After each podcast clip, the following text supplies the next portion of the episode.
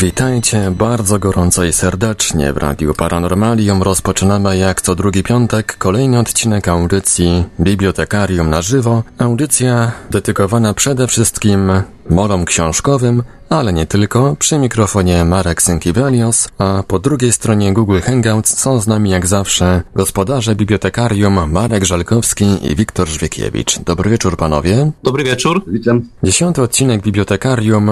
Panowie postanowili świętować przy książce Davida Gisela i Anne Moore pod tytułem Płeć mózgu. Rzecz będzie kontrowersyjna, szczególnie jeżeli rozmawiamy w takim właśnie gronie, w jakim rozmawiamy, bowiem Wiktor Żwiekiewicz ma wyrobioną opinię na temat różnic między mężczyznami a kobietami. Zanim jednak przejdziemy do tematu głównego naszej audycji, przypomnę tradycyjnie kontakty do Radia Paranormalium, bowiem bibliotekarium realizujemy w całości na żywo. Koło godziny 21, może troszkę później będzie można do nas zadzwonić, wdać się w dyskusję na antenie, zadać pytanie, skomentować, ale pisać można oczywiście już teraz. Nasz e, numer telefonu to 32 746 0008, 32 746 0008, komórkowy 536 20 493, 536 20 493, SMS oczywiście również odbieramy, skype radio.paranormalium.pl, można również do nas pisać na gadu-gadu pod numerem 36 08 8002, 36 08 8002. Jesteśmy także na czatach Radia Paranormalium na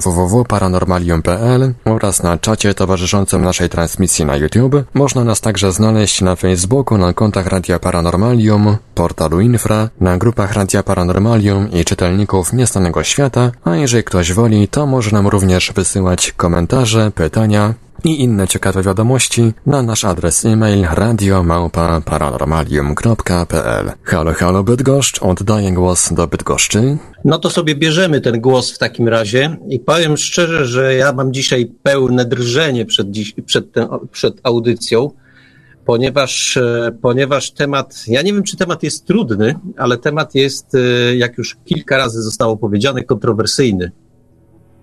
I on jest kontrowersyjny właściwie, właściwie to nie wiadomo dlaczego on jest kontrowersyjny. Pewno dlatego, że ludzie się zrobili ostatnimi czasy bardzo drażliwi i bardzo lubią, bardzo lubią mieć rację.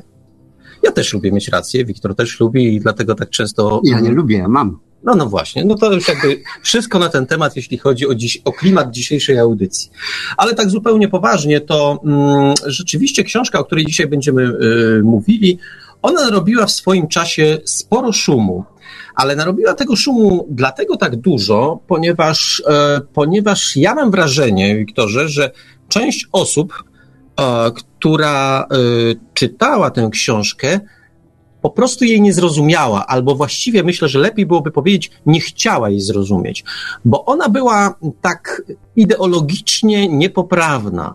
Ona mówiła pewne rzeczy, które dla ludzi, i to zresztą słuchając fragmentów tej książki dzisiaj, będzie to zresztą powiedziane, ale rzeczy, które były dla ludzi jeszcze powiedzmy 100 150 lat temu oczywiste, dzisiaj zostało to w pewnym stopniu wyparte. My przyjęliśmy że, że jesteśmy tacy sami. Tymczasem... Nie, nie, Marku, nie mów w czasie przeszłym. Ta książka jest aktualna y, y, cały czas do dnia dzisiejszego powinna być właściwie tak jak Ale w oczywiście. dawnych czasach Biblia w domu na każdej półce, no. tak samo ta książka powinna być w każdym domu, powinni ją czytać y, y, na przykład rodzice, mężczyźni, w ogóle mężczyźni i kobiety po to, żeby rozumieć y, mechanizmy zachodzące w związkach między kobietą a mężczyzną. Powiem tak, no już aż tak daleko to bym, to bym nie poszedł, nie przesadzałbym z tą, z tą, z tą bibliowatością tejże książki. Natomiast jest coś takiego, jest coś takiego, że ta książka, pomimo że yy, to jest właśnie to, że książki u nas wydawane są po, tak, po, po jakimś czasie. I wydawca później pisze, że według najnowszych badań i tak dalej. No cóż to są za, za najnowsze badania, jak książka po raz pierwszy ujrzała światło dzienne w roku 1989, no to powiedzmy, może czasu już upłynęło. Aktualność równa się MC kwadrat jest taka no. sama dzisiaj, jak była 50 lat temu. Także... Zgoda zgoda, ale jakby prowadzę do, pewne, do, do, do, do pewnego, e, do, do, do pewnej konkluzji, ale do niej to jeszcze sobie pewno pod koniec audycji tak naprawdę dojdziemy. Ja powiem jedno, że jeszcze tak, żeby trochę ponarzekać na początku, to muszę powiedzieć, że tak jak zaczynaliśmy bibliotekarium w styczniu, to narzekaliśmy, że jest zimno, ciemno i w ogóle tak ponuro.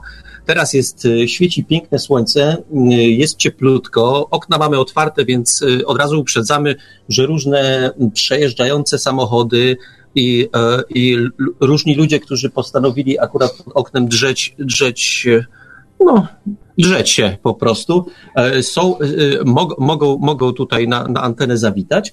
Natomiast powiem tak, żeby tak trochę ponarzekać, bo to, bo to tak w dobrym stylu. No niestety słońce jeszcze nie zaszło i świeci mi tak dokładnie, dokładnie w ekran komputera, że nie wszystko widzę. A dlaczego mówię o... Zwróć uwagę, Marku, że wszystko na tym świecie, każda idea właściwie, tak samo tej audycji, jak i każda inna idea, rodzi się w ciemności. Tak jak człowiek w tych wodach płodowych jest ciemny, Ach. ślepy, głuchy, powoli, powoli. I tak samo to nasza audycja pojawiła się w ciemnościach zimy, prawie w tym, prawie w epoce lodowcowej, E, przełomu styczeń, luty, nie, grudzień, marzec, coś tam takiego. Grudzień, marzec. Nie, grudzień, około grudnia, nie? No nieźle, nieźle, no, jedźmy dalej. urodziła się w ciemnościach, ale teraz można powiedzieć na stałe oświecenie. Albo na no teraz, teraz jesteśmy dojrzali, już wiemy o czym mówimy, bierzemy pełną odpowiedzialność za poglądy, powoli, powoli, powoli. No ja nie no. wiem, no ja nie wiem. Zobaczymy. Zobaczymy, czy bierzemy. A dlaczego mówię o tym ekranie komputera? Bo oczywiście nasz niezawodny, y, stały korespondent, tak jak go już w poprzedniej audycji nazwałem, czyli o 35, przesłał nam, e, przesłał nam dosyć długi list. Ja go e, nie będę odczytywał w całości, bo po prostu e, po pierwsze jest długi, a po drugie no, to świecenie w ekran nie bardzo, nie bardzo daje mi możliwość w miarę płynnego przeczytania. Niemniej chciałbym kilka zdań z tego, z tego listu o 35 przeczytać a tych wszystkich, którzy chcieliby go poznać, to odsyłam na, na stronę Radia Paranormalium, tam można cały tekst przeczytać. Tekst, y, z którym właściwie w większości się zgadzam. Ja, trudno mi, trudno mi polemizować z większością stwierdzeń, ale oczywiście nie byłbym sobą, gdybym czegoś, gdybym czegoś nie znalazł. Otóż y, o 35 y, pisze, o tym, że, że ta książka jest bardzo kontrowersyjna dla kobiet, zwłaszcza dla, mm, i tu cytuję, zwłaszcza dla sporej grupy reprezentujących tak zwany feminizm. Szczerze mówiąc, nie wiem, jak tę książkę traktować, bo w sumie teraz po około 30 latach od jej wydania trudno jest powiedzieć, że jest to książka naukowa, ani popularno-naukowa. Jest e, zbiór opinii autorów opartych, e, e, opartych na wyselekcjonowanych przez nich faktach, badaniach itp. Nasuwa się od razu pytanie do prowadzących program, czy nie odnosicie wrażenia, że autorzy tej książki najpierw założyli pewną tezę, a praca, jaką wykonali, to było selekcjonowanie opinii, badań naukowych itp. w celu jej udowodnienia. Czyli wszystko, co w, mojej, e, co w niej napisali, miało udowodnić jednoznacznie ich początkowe założenia. Moim zdaniem powinno być chyba odwrotnie. Przeprowadza się jakieś badania itp. Oczywiście muszą mieć jakieś założenia, e, o, i tu właśnie nie mogę przeczytać, bo słońce, oraz cel. A następnie po analizie e, przeprowadzonych wyników wyciąga się odpowiednie wnioski. I tu krótka, krótka, krótka, no nie wiem, chyba odpowiedź na pytanie zadane przez O35. No, ta książka naukowa e, nie jest z całą pewnością. Natomiast jeśli chodzi o jej popularną naukowość, to tu już bym się wahał. Ja odnoszę wrażenie, że to jest jednak książka popularno-naukowa, bo zwróćmy uwagę, że e, pani Ann powiem tak, jak usłyszałem, pan, że to podobno się czyta Ann Moir. Nie biorę żadnej, żadnej gwarancji za to, że w ten sposób się czyta. Oraz pan David Jessel um, dosyć specyficznie tworzyli tę książkę. Otóż e, pani Anne Moir to jest, e, to jest kobieta, która jest z wykształcenia genetykiem i to takim nietuzinkowym genetykiem. Natomiast David Jessel to jest dziennikarz, który zawsze, wiadomo, dziennikarze, sam, sam jestem, sam yy, uprawiam ten zawód i wiem, że coś z hieny jednak w dziennik, każdym dziennikarzu jest. No więc David Jessel kiedyś spotkał panią Anne Moir, yy, sobie pogadali, no i po jakichś dziesięciu latach e, David Jessel przypomniał sobie, że kiedyś taką panią poznał i ona ciekawe rzeczy mówiła, a ponieważ szukał akurat ciekawego tematu do audycji, no to jak sobie przypomniał, to panią odnalazł. I wtedy y, oni po krótkiej rozmowie doszli do wniosku, że można by książkę, która później, y, o której dzisiaj będziemy rozmawiać, można by napisać, ale tworzyli tę książkę w dosyć specyficzny sposób. Ja przyznam, że ja y, jestem pod wrażeniem tej, tworzenia tej książki. Otóż to było tak, że pani, pani Moyer mm, robiła panu Jesselowi cotygodniowe wykłady. Znaczy, zbierała pewną pulę materiału rozproszonego po czasopismach naukowych, właściwie z całego świata, anglojęzycznych czasopismach naukowych, robiła, przekładała to na język y, zrozumiały dla laika i robiła mu cotygodniowy wykład. To się działo przez dłuższy czas. E, chodziło o to, żeby e, ten, ten, naukowy, e, ten naukowy żargon, którym posługuje się wielu, wielu uczonych, przekształcić w coś bardziej strawnego dla, dla ludzi. Czy zarzut o dwa jest słuszny, że oni dobierali pod pewną tezę? No powiem tak, istnieje w nauce coś takiego jak y, jakaś hipoteza robocza, hipoteza badawcza. Myślę, że to bliższe było temu, bo jednak orientacja pani Enmoir y, w, w, nowocze w nowoczesnych badaniach genetycznych, w doświadczeniach, które były prowadzone, to jeśli czyta się tę książkę, to, to ma się pewien szacunek dla, dla tych, dla, dla rozległości poszukiwań, które prowadziła. Czy y, to było dobieranie pod temat? Ja myślę, że właściwie wszyscy uczeni to robią i to nie jest tak, że, że ja na przykład y, y, chciałbym, żeby ta książka, tak jak Wiktor, była Biblią i była powszechnie cytowana. Z tego co wiem, to pewne, pewne tezy, a właściwie nie tezy, pewne badania naukowe przytoczone w tej książce stały się jakby mniej aktualne, pewne, pewne się umocniły, więc to tak jak zawsze z tego rodzaju publikacjami, tak to już bywa. E, natomiast, natomiast myślę, że to nie, chyba nie było z tą książką tak źle. Ja mam, e, mam takie, taką uwagę. Trzeba zwrócić uwagę, że, że ta książka została napisana jeszcze w dobrym okresie dla książki. W czasach, kiedy jeszcze, że tak powiem, nie, nie istniał ten taki wściekły wyścig szczurów, gdzie autorzy, dziennikarze muszą trzepać książkę raz na pół roku, albo, albo raz na dwa miesiące, albo jak Kraszewski raz na tydzień i tak dalej. To znaczy wtedy e, Poza tym nie był to duet, który żył z, te, z pisania książek. Zdecydowanie. E, który miał, który po prostu rozpaczliwie szukał tematu, żeby sprzedać, żeby zaistnieć i tak dalej. Nie. Byli to ludzie, którzy prowadzili pewne obserwacje kulturowe co, mm, i szukali odpowiedzi na te obserwacje kulturowe w nauce, w tym co przynosi najbardziej współczesna wtedy nauka i zresztą dzisiaj. Większość, ja się akurat nie zgadzam, że tam się prawie cokolwiek zestarzało. Wszystko jest prawie aktualne, według moich danych, nie? Chociaż książka, tak jak podkreślałeś, jest bardzo, ja ją też polecam dla czytania, gdyż jest bardzo popularna, popularna bardzo naukowa, nie? Tak. Pięknie napisana, jest to, y, właściwie czyta się te, te, to tak od niechcenia i wszystko się rozumie właściwie, nie? Można się nie zgadzać, ale się rozumie. Ja wrócę jeszcze, wrócę jeszcze do listu napisanego przez e, O35 e, i powiem tak, że mm,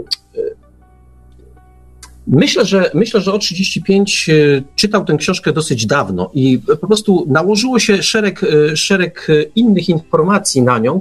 I to stąd na przykład e, coś takiego, o czym pisze, że mm, e, niech to znajdę, bo to słońce dalej przeszkadza.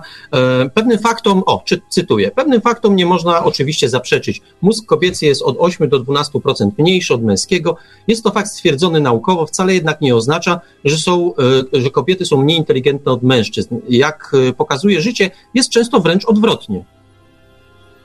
Absolutna zgoda. I zresztą e, z tego, co napisano w książce Płeć, e, Płeć mózgu, wynika dokładnie to, co o 35 napisał.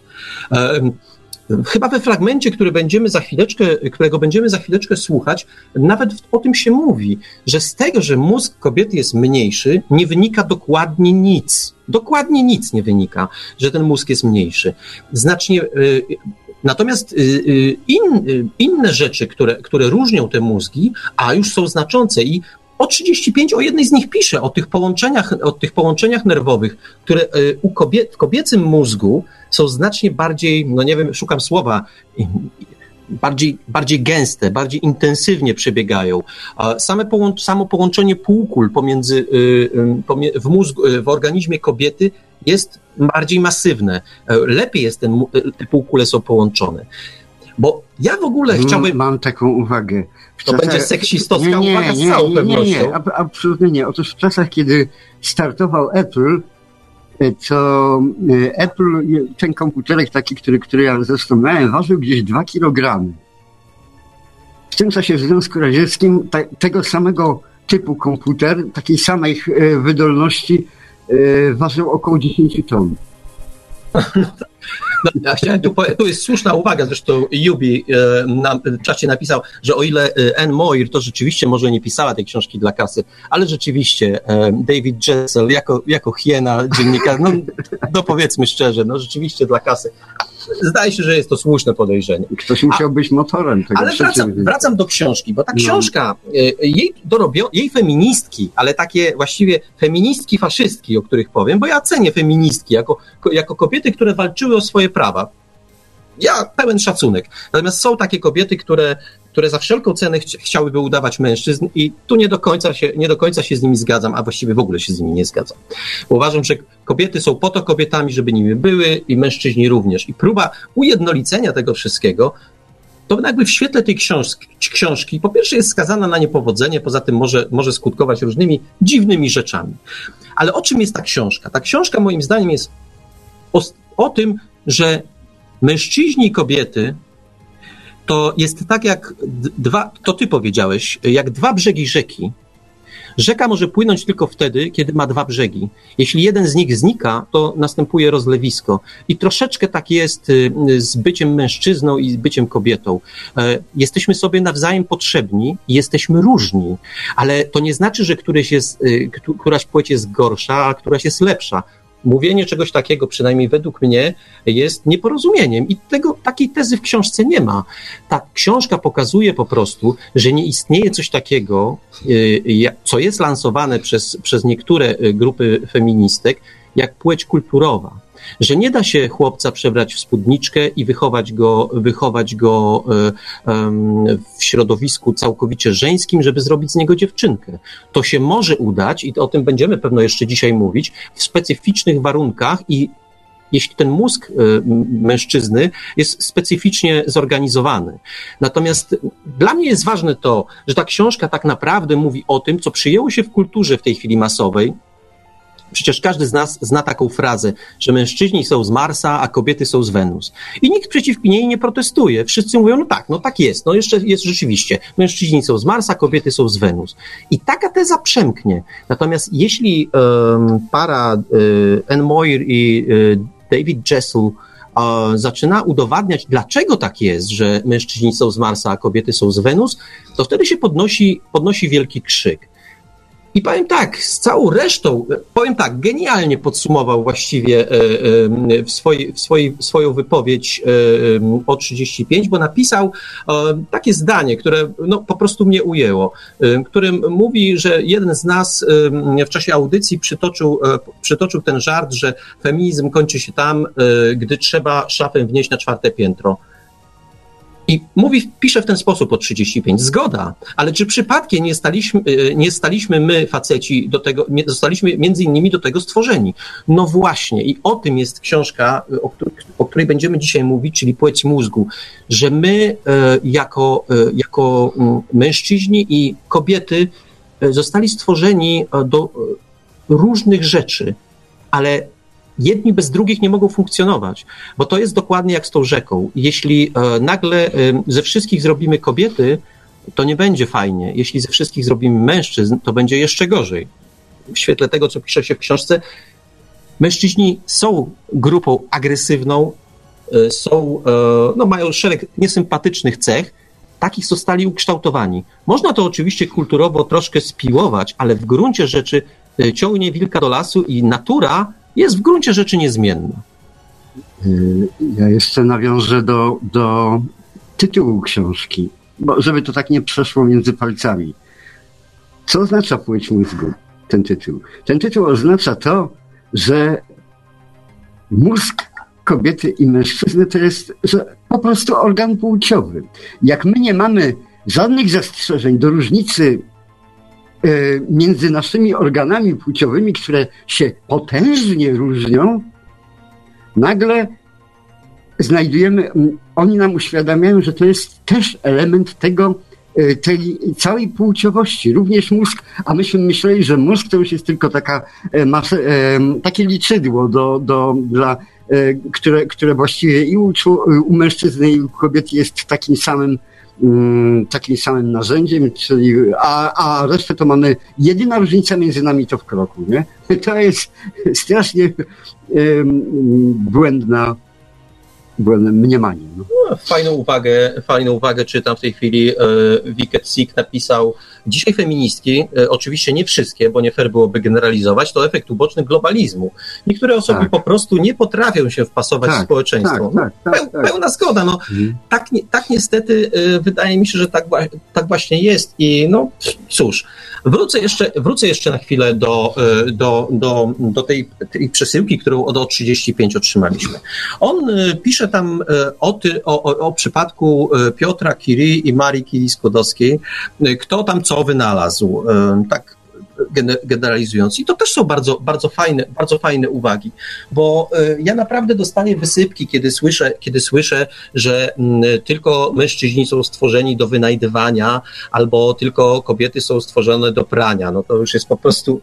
Nie, tak nie jest. I zarówno i kobiety, jak i mężczyźni um, mogą robić podobne rzeczy, ale to jest tak. Um, Ann Moyer i David Jessel podkreślają, że tak jak na przykład w sporcie jest, e, dlaczego są podziały na, e, na e, dyscypliny męskie i kobiece. Ponieważ jest tak, że bardzo wiele kobiet, na przykład w bieganiu, jest lepszy, lepszych od mężczyzn. To one są lepsze po prostu, pokonają cię w szczerym polu, powiedzmy. Ale mm, tak to jakoś jest, że mistrz w biegach, mężczyzna, i mistrzyni kobieta, no zawsze ten, e, ich, ich osiągi będą na niekorzyść kobiet. Być może kiedyś to się zmieni, ale na razie tak jest. I w wielu innych dziedzinach jest podobnie, ale w obie strony. Pamiętajmy o tym, że to sport jest tym przykładem, gdzie mężczyźni być może górują. Ale dlaczego? Górują w bardzo prymitywnych dyscyplinach. Siłowych. Si siłowych, tak, brutalnych, tak. E, e, zręcznościowych i tak dalej. Jakieś te, tego typu rzeczy. A dlaczego? Otóż ja chciałbym wam uświadomić, jako były były, że tak powiem, archeolog i tak dalej, to y, uświadomić wam, że przez. E, ja nie jestem pewien. Y, ja nie jestem pewien, kto jest y, ewolucyjnie bardziej zaawansowany, kobieta czy mężczyzna. Otóż patrząc na dzieje świata, według mnie kobiety są o wiele. Ba- tu Marek możesz się zdziwić, ale jak ja sobie przemyślałem, co wykonywały kobiety w czasach neolitu i tak dalej przez e, cały czas. Otóż e, kobiety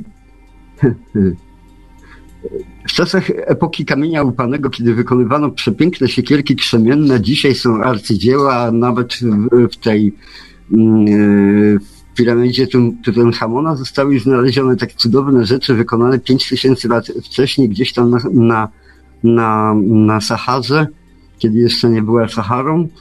E, w każdym razie to wszystko robiły kobiety, e, Marku. E, kobiety wyko wykonywały narzędzia. Kobiety, wyłącznie kobiety, zajmowały się garncarstwem. Faceci nie mieli do tego rąk, ani zręczności, ani umysłów e, nadających się do w ogóle do tworzenia sztuki. Wszystkie rzeczy, które, które kiedyś zdobienie, e, to wszystko wykonywały kobiety.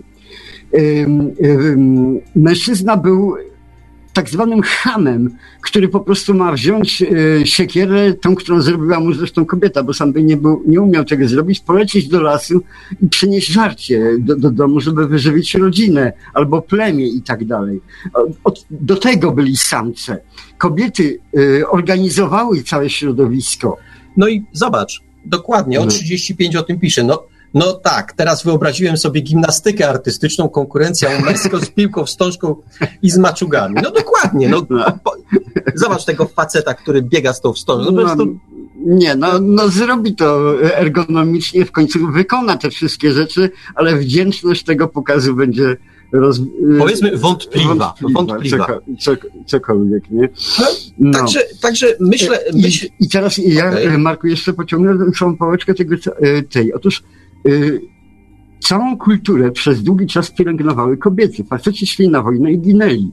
Chcecie uświadomić, że to kobiety wychowywały dzieci, kobiety opowiadały, plus dziadkowie opowiadały synom i córkom o ich ojcach, którzy kiedyś tam żyli, zginęli, o, o obyczajach, jak należy postępować, co robić. Mężczyźni nie mieli ani do tego głowy, ani umiejętności, ani nawet wysławiania. Nie wiem, kiedy, kiedy o, o ile człowiek zaczął mówić, y, y, można to jakoś tam mm, stwierdzić, kiedy człowiek zaczął się posługiwać mową, ale mężczyźni z całą pewnością robili to parę tysięcy lat później od kobiet. Co zresztą y, widać przy rozwoju dzisiejszych dzieci. Dziewczynki mówią dużo szybciej od chłopców. Chłopcy zaczynają bredzić dopiero około 3,5-4 lat. Wtedy, no już kiedy nie przesadzaj, no już nie przesadzaj. No tak, no, no dobrze. Kiedy no. dziewczynki to już pięknie prawie poezję yy, Nie, no powiem ci, no, musi, no. w miarę równo musieli zacząć mówić, bo by się ta kobieta z tym swoim facetem z maczugą nie dogadała. No, Ale musi... przecież się nie dogadywaliśmy językiem, tylko łóżkiem w taki,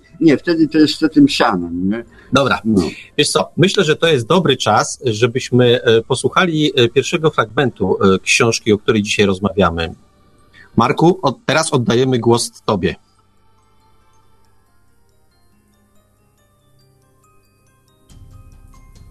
Sto lat temu obserwacja, że mężczyźni różnią się od kobiet wieloma możliwościami, uzdolnieniami i umiejętnościami, byłaby beznadziejnym truizmem, banalną oczywistością. Taka uwaga wypowiedziana dzisiaj wywołałaby zupełnie inne reakcje. W ustach mężczyzny oznaczałaby niedostateczną ogładę towarzyską, naiwność w dziedzinie socjopolityki płci, niedopuszczalne braki w potocznej wiedzy albo niezręczną próbę prowokacji. Kobieta ryzykująca taką opinię spotkałaby się z pogardą jako zdrajczyni swojej płci, sprzeniewierzająca się z trudem wywalczonym zwycięstwom ostatnich kilkudziesięciu lat, kiedy to kobiety dążyły do osiągnięcia równości pozycji, szans i uznania w społeczeństwie. W rzeczywistości jednak wszyscy niemal naukowcy i badacze specjalizujący się w tym przedmiocie doszli do wniosku, że mózgi kobiet i mężczyzn są różne. Rzadko zdarza się większa przepaść między tym, co sądzi inteligentna, oświecona opinia publiczna, że kobiety i mężczyźni mają takie same mózgi, a tym, co wie nauka, że tak nie jest. Nadając swojemu artykułowi naukowemu tytuł Czy rzeczywiście mózgi kobiet i mężczyzn są różne, kanadyjska badaczka przyznała jednocześnie, że odpowiedź na to pytanie jest oczywista. Niewątpliwie tak. Byłoby zadziwiające, gdyby mózgi kobiet i mężczyzn nie były różne, biorąc pod uwagę ogromne różnice morfologiczne, strukturalne i uderzające często odmienności w zachowaniu kobiet i mężczyzn.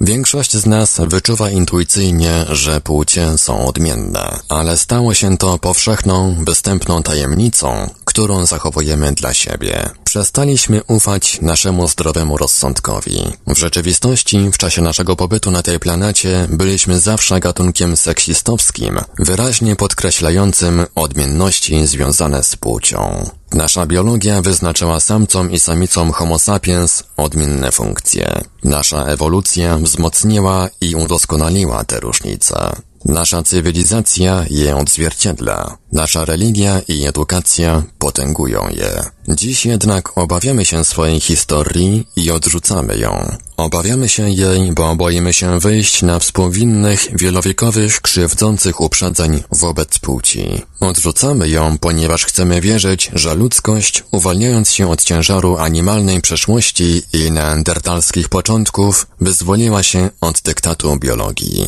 W ciągu ostatnich 30 lat niewielka, ale wpływowa grupa ludzi powodowanych dobrymi intencjami próbowała nas przekonać do przyjęcia tej nowej, buntowniczej opinii. Odkryli oni, że religia i edukacja to spisek samców służący utrzymaniu podporządkowanej pozycji kobiet. Odkrycie jest prawdopodobnie słuszne. Wykryli także, że nasze tak zwane cywilizacje zbudowane są na męskiej agresji i dominacji. To także zapewne prawda. Jak dotąd wszystko jest w porządku. Problem pojawia się wtedy, kiedy szukać zaczynamy wyjaśnienia, dlaczego tak się stało. Jeżeli kobiety i mężczyźni są i zawsze byli identyczni w takim stopniu, jaki wynika z posługiwania się identycznymi mózgami, to w jaki sposób płeć męska zdołała tak skutecznie we wszystkich prawie kulturach i społeczeństwach na świecie zapewnić sobie dominację nad kobietami? Czy to tylko przewaga mężczyzn pod względem muskulatury i wagi ciała spowodowała, że świat kobiet był przez parę tysięcy lat terytorium okupowanym? Czy też fakt, że jeszcze parę wieków temu kobiety przez większą część życia były w ciąży? A może bardziej prawdopodobne jest, jak sugerują fakty, że u źródeł tego, jakim jesteśmy społeczeństwem i jakimi ludźmi, leżą różnice między mózgami kobiety i mężczyzny. Są takie dane biologiczne, których przy najlepszej i najbardziej seksualnie wyzwolonej woli nie możemy pomijać. Czy nie byłoby lepiej, zamiast z bezsilną wściekłością odrzucać różnice między płciami, uznać je, zrozumieć, wykorzystywać,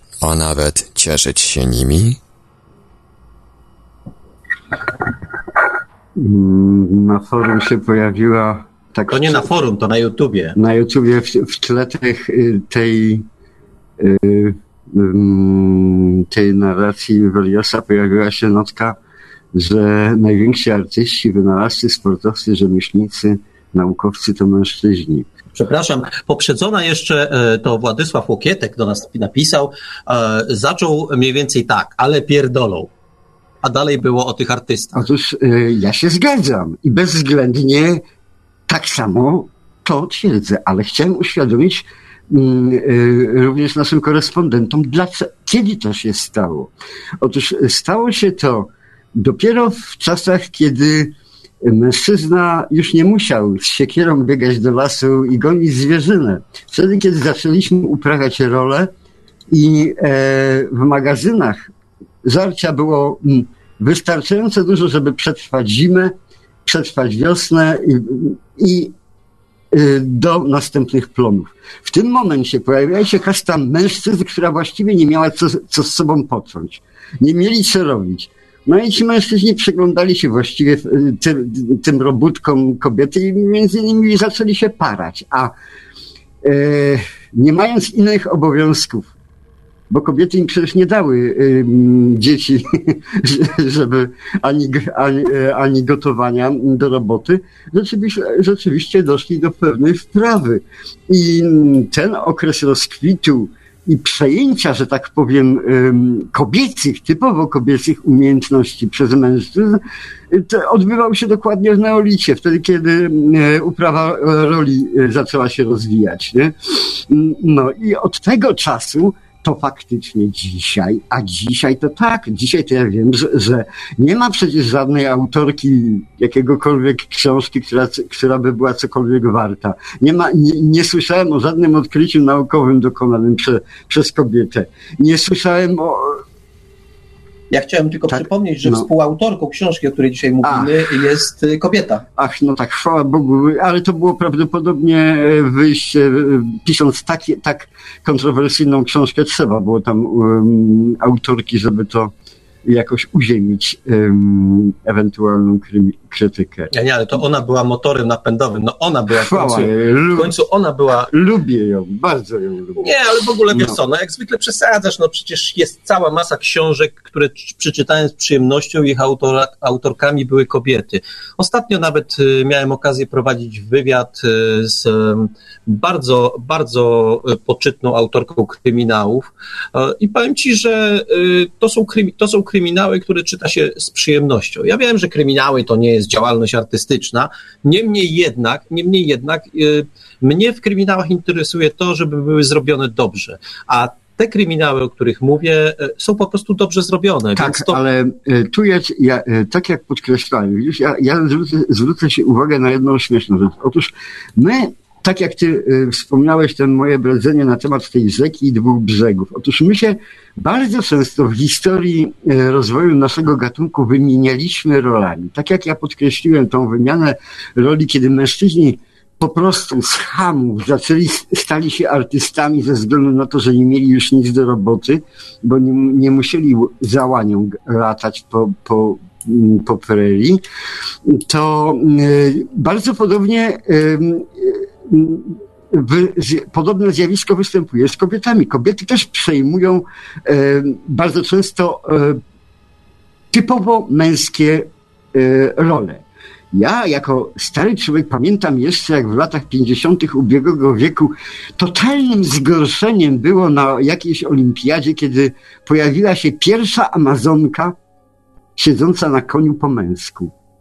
Było to zgorszenie i prawie pornografia i cały świat się trząsł i cała prasa komentowała, jakie to straszną rzecz ta kobieta zrobiła. Tak ta jeździ na koniu jak na oklep, nie? Nie, kobiety jeździły zawsze, nawet siodła miały specjalnie robione, specjalne wszystko. Kobiety jeździły zupełnie inaczej kiedyś na koniu. E, e, dzisiaj już tego problemu nie ma. Kobiety jeżdżą tak jak mężczyźni. Dalej. E, nam się wydaje, że, że w modzie istnieje coś takiego jak pojęcie kobiecości oraz męskości. Ja chcę zwrócić uwagę, że to mężczyźni chodzili w sukumanach kiedyś, e, to mężczyźni wymyślili pończochy i chodzili w pończochach, a nie kobiety. To mężczyźni wymyślili rajstopki yy, i chodzili w tych rajstopkach, zresztą do dzisiaj to używają. To mężczyźni wymyślili spodnie, kobiety powoli przejmowały te same obyczaje, te same tego i, no i dzisiaj się trudno dziwić, że niektóre kobiety się ubierają w typowo męski garnitur, spodnie, zakładają muszkę albo coś i tak dalej i są strasznie wspaniale dumne, że wyglądają jak babochłop, nie? No tak, ale one to zawsze robiły, nie? Ale wiesz, ja ci powiem jeszcze tak, no a propos rajstopek, no. ty wiesz co to było, jakbyś się, jak się w, w szkole podstawowej zjawiłeś na WF-ie w rajstopkach? No masakra, po prostu masakra. To a propos rajstopek, jak to się, jak to się wszystko zmienia.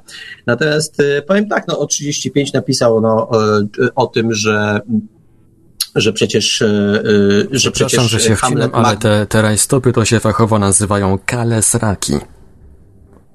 Owo, no okej, okay, okej. Okay. Przyjmujemy do wiadomości. A o 35 napisał, no kurczę, a Macbeth, Hamlet to może nie są kryminały? No są, jeszcze dorzucę zbrodnie i kary, ale jak są napisane? Ja mówiłem o kryminałach, które, które są w tej, chwili, w tej chwili dosyć masowo produkowane. Używam słowa produkowane nie po to, żeby je zdyskredytować. Ja bardzo lubię kryminały. Zresztą mówiliśmy o opowieści, opowieści e, Dziewczyna z pociągu. To również autorką jest kobieta. Więc ja naprawdę, y, to nie jest polityczna poprawność. Ja sobie cenię y, zarówno kryminały pisane przez mężczyzn, jak przez, przez kobiety. Ale, Jeden ale warunek, Marku, muszą być dobre. Jedna uwaga. Oczywiście mężczyźni pisali kryminały to mężczyźni pisali kryminały, nawet uwzględniając Christie i tak dalej, ale to jednak była męska robota. Ja nie wiem, czy nie kobiety, obrażasz kobiet. Kobiety przejęły tą rolę i to, że ty mówisz, że dzisiaj piszą dobrze, to ja się temu nie dziwię. Będą pisać, za 10 lat to będą pisać dużo lepiej od mężczyzn, bo mają, że tak powiem, drożność tych, tych, tych tam między lewą i prawą półkulą dużo A, no e, bardziej aktywną od no mężczyzn. właśnie. No. To, co powiedziałeś, no to właśnie Anne Moyer i e, David Jessel o tym piszą, że kobiecy mózg jest zorganizowany z, pod względem pewnej wydajności znacznie sprawniej. Zresztą o 35 również o tym pisał, że po prostu kobiety e, działają, e, potrafią e, czerpać naraz z wielu zmysłów, że potrafią później to, e, to działanie wielomysłowe przełożyć. Mężczyzna jest konstrukcją, która działa często jak, jak dosyć toporny. Ja nie mam tego po to, żeby obrazać przywiązany i uważam, że, że jest bardzo fajna, tylko chodzi o to, że w niektórych sytuacjach takie działanie, które opisujemy, jest może mniej wydajne, mniej fajne. Natomiast są sytuacje, i to nie sytuacje wojenne, tylko, tylko zupełnie inne, kiedy ta nasza, e, jak ty to powiedziałeś, toporność, no niech, dobra, zostańmy przy tym określeniu toporność, bardzo się przydaje. Co więcej, ona jest niezbędna do tego, żeby sytuacje, e, żeby pewne sytuacje opanować. I ja myślę, że to, to, to dosyć istotna sprawa. Ja powiem tak, ja przede wszystkim przeciwstawiam się temu, e, tak jak e, w jednej z ostatnich rozmów, e, którą odbywałem z, profesor, z profesorem zajmującym się naukami politycznymi, kiedy mu powiedziałem o książce, o, którą, o której dzisiaj rozmawiamy, powiedział, nie, to są jakieś śmieszne poglądy, w ogóle to w ogóle tak nie ma. Dlaczego tak powiedział? No moim zdaniem, nie siedzę w jego głowie, nie wiem, ale moim zdaniem dlatego, że to, o czym rozmawialiśmy, czyli ta nierówność płci pod względem, znaczy inaczej, przewaga w jednych dziedzinach, słabość w drugich i odwrotnie e, u drugiej płci nie pasowała mu do obrazu politycznego, który, który przekazywał, którym wszyscy są tacy sami to jakby nie pasowało, no bo w polityce lepiej, żeby wszyscy byli tacy sami. Łatwiej się te pionki na szachownicy, e, te piony na szachownicy rozkłada, czy też w ogóle jakoś, jakoś te bierki, e, bierki rozkłada. Tymczasem tu nagle się pojawił czynnik, pojawiła się, pojawiła się teoria, która, która się słabo wpasowywała w ten, w ten, e, w ten obraz. I myślę stąd ta, to, to podsumowanie, że to w ogóle są jakieś śmieszne poglądy i w ogóle bez sensu. No powiem, że jak na ogrom pracy włożony w tę książkę, to chyba, chyba nieco krzywdzące, nieco krzywdzące dla autorów. Y, nie wiem jak, y, jak ty, ale ja mam y, takie wrażenie, że mm, wielu ludzi nie zdaje sobie sprawy, że te różnice, jakie są między organizmami mężczyzn i kobiet, są naj, najważniejszą rzeczą, jaka pcha w ogóle do przodu e, e, rozwój gatunku Homo sapiens. Ja, tu jak zaczęliśmy rozmawiać dzisiaj na temat tej książki, ja zadałem tobie pytanie, czy, czy rozumiesz, dlaczego w ogóle przyroda objęła tak, e, przyjęła taktykę dwóch płci? No właśnie. Bardzo prosta rzecz. Przecież można się było bez tego obejść. Mogliśmy się rodzić i rozwijać i, i polecieć na księżyc pączkując na przykład, nie? Albo wysiewając nasionka w glebę, nie? I tak dalej tego, nie? Otóż przy, przyroda dwupłciowość tą taktykę przyjęła dlatego, gdyż ta taktyka gwarantuje rozwój. E, oczywiście możemy wymrzeć jako gatunek Homo sapiens i tak dalej, natomiast będzie to e, w marsie z, z marszu, że tak powiem, tak jak się to już wiele razy mogło zdarzyć w historii gatunku Homo sapiens, kiedy nas na Ziemi było już bardzo, bardzo malutko, ale żeśmy przetrwali Y, jakoś żeśmy się tam rozwinęli i tak dalej. No i dzisiaj właściwie jesteśmy dominującym gatunkiem na Ziemi. A dlaczego? Dlatego, że istnieją dwie płcie i że te płcie są różne, bo tylko między różnicami może istnieć wymiana poglądów. Prawda? Tylko różnice gwarantują biegunowość, plus i minus. Nie? Jest. Y, tylko różnice dają um, start i meta, dają e, szansę na jakiś wyścig, na, jak, na jakąś dynamizują ca, całą, tylko różnicę. Rywalizację. Rywalizację. Prąd nie popłynie nigdzie z, e, i tak dalej, e, w żadnym kablu, ani nigdzie pole elektromagnetyczne się nie pojawi. Ale coś Nic jeszcze, coś jeszcze powiem. Pamiętasz, kiedy mówiliśmy o tym, o tym, o, o mysz, że kiedyś mężczyźni dominowali. I o tym, że, ale, że to, Pamiętasz nasz przykład z kierowcami? Ja zacznę od tego przykładu, od przykładu kierowców. Otóż z mojego doświadczenia wynika, y, że mężczyźni, mężczyźni lubią myśleć o sobie, że są świetnymi kierowcami. Przyznaję, y, znam kilku niezłych kierowców. I to przekonanie, że tylko mężczyzna jeździ dobrze, no tak rośnie w nas, y, no w nas może nie, ale w mężczyznach bardzo często. Moje obserwacje są takie, że wśród mężczyzn kierowców jest bardzo wielu przeciętnych, bardzo takich przeciętnych kierowców. Jeżdżą nieźle, ale bez szału nie ma po prostu. Natomiast yy, yy, w przypadku kobiet jest trochę inaczej. Kobiety są z mojego punktu, z moich obserwacji, to nie jest, to nie jest działanie naukowe, chociaż pewno, pewno, pewno się po, po, pokuszę, żeby, żeby się skonsultować, skonsultować z jakimś naukowcem w tej, w tej sprawie. Z moich obserwacji wynika, że kobiety są albo genialnymi kierowcami, i znam takich, jeżdżą po prostu bezbłędnie, aż strach czasami wsiąść na tej zasadzie, że po prostu rozwijają takie prędkości i panują nad samochodem, albo jeżdżą fatalnie. Mało jest średnich kierowców kobiet. Kobiety jeżdżą albo bardzo dobrze, albo lepiej, żeby w ogóle nie jeździły. I trochę tak jest, y, y, to ty powiedziałeś, że przecież kobiety, tak samo jest na przykład z byciem, z byciem władcą w historii, w historii naszego, naszej, naszej cywilizacji e, mówienie o tym, że mężczyzna dominował i zawsze, że tak powiem, on rządził, jest, jest rzeczą zupełnie jakąś chorą po prostu według, e, według mnie. Otóż e, wystarczy zagrać bardzo złą grę e, aktua, aktualnie, czyli w cywilizację piątkę, która się w tej chwili tego, żeby, żeby zobaczyć namacalnie, kto rządził przez te całe ostatnie parę tysięcy lat e, na Ziemi i tak dalej. Otóż tak, mężczyzn było więcej, ale zwykle byli beznadziejnie przeciętni, byli to beznadziejnie przeciętni władcy albo królowie. Rzadko, się, zdob, e, rzadko, rzadko się trafiali genialni. Natomiast władczynie były tylko genialne. E, począwszy od Kleopatry, Elżbiety i wielu innych i e, kobiet, które, które rządziły pierwszoplanowo, jako pierwszoplanowe władczynie, a nie tylko te, które kręciły, że tak Ale ci powiem, przerwę, no, no y, były, musiały być genialne, bo te, które genialne nie były, były eliminowane. No Znikały, tak, po no prostu, tak. rozpływały się we mgle. Ja myślę, że tak, że to jest dobry moment, y, żebyśmy opowiedzieli y, pewną japońską historię. To jest Twoja historia, ale zanim ją opowiemy, to proponuję wysłuchać następnego fragmentu książki, książki Davida Gisela e, i Anne Moyle Płeć mózgu. Marku, oddajemy Ci głos.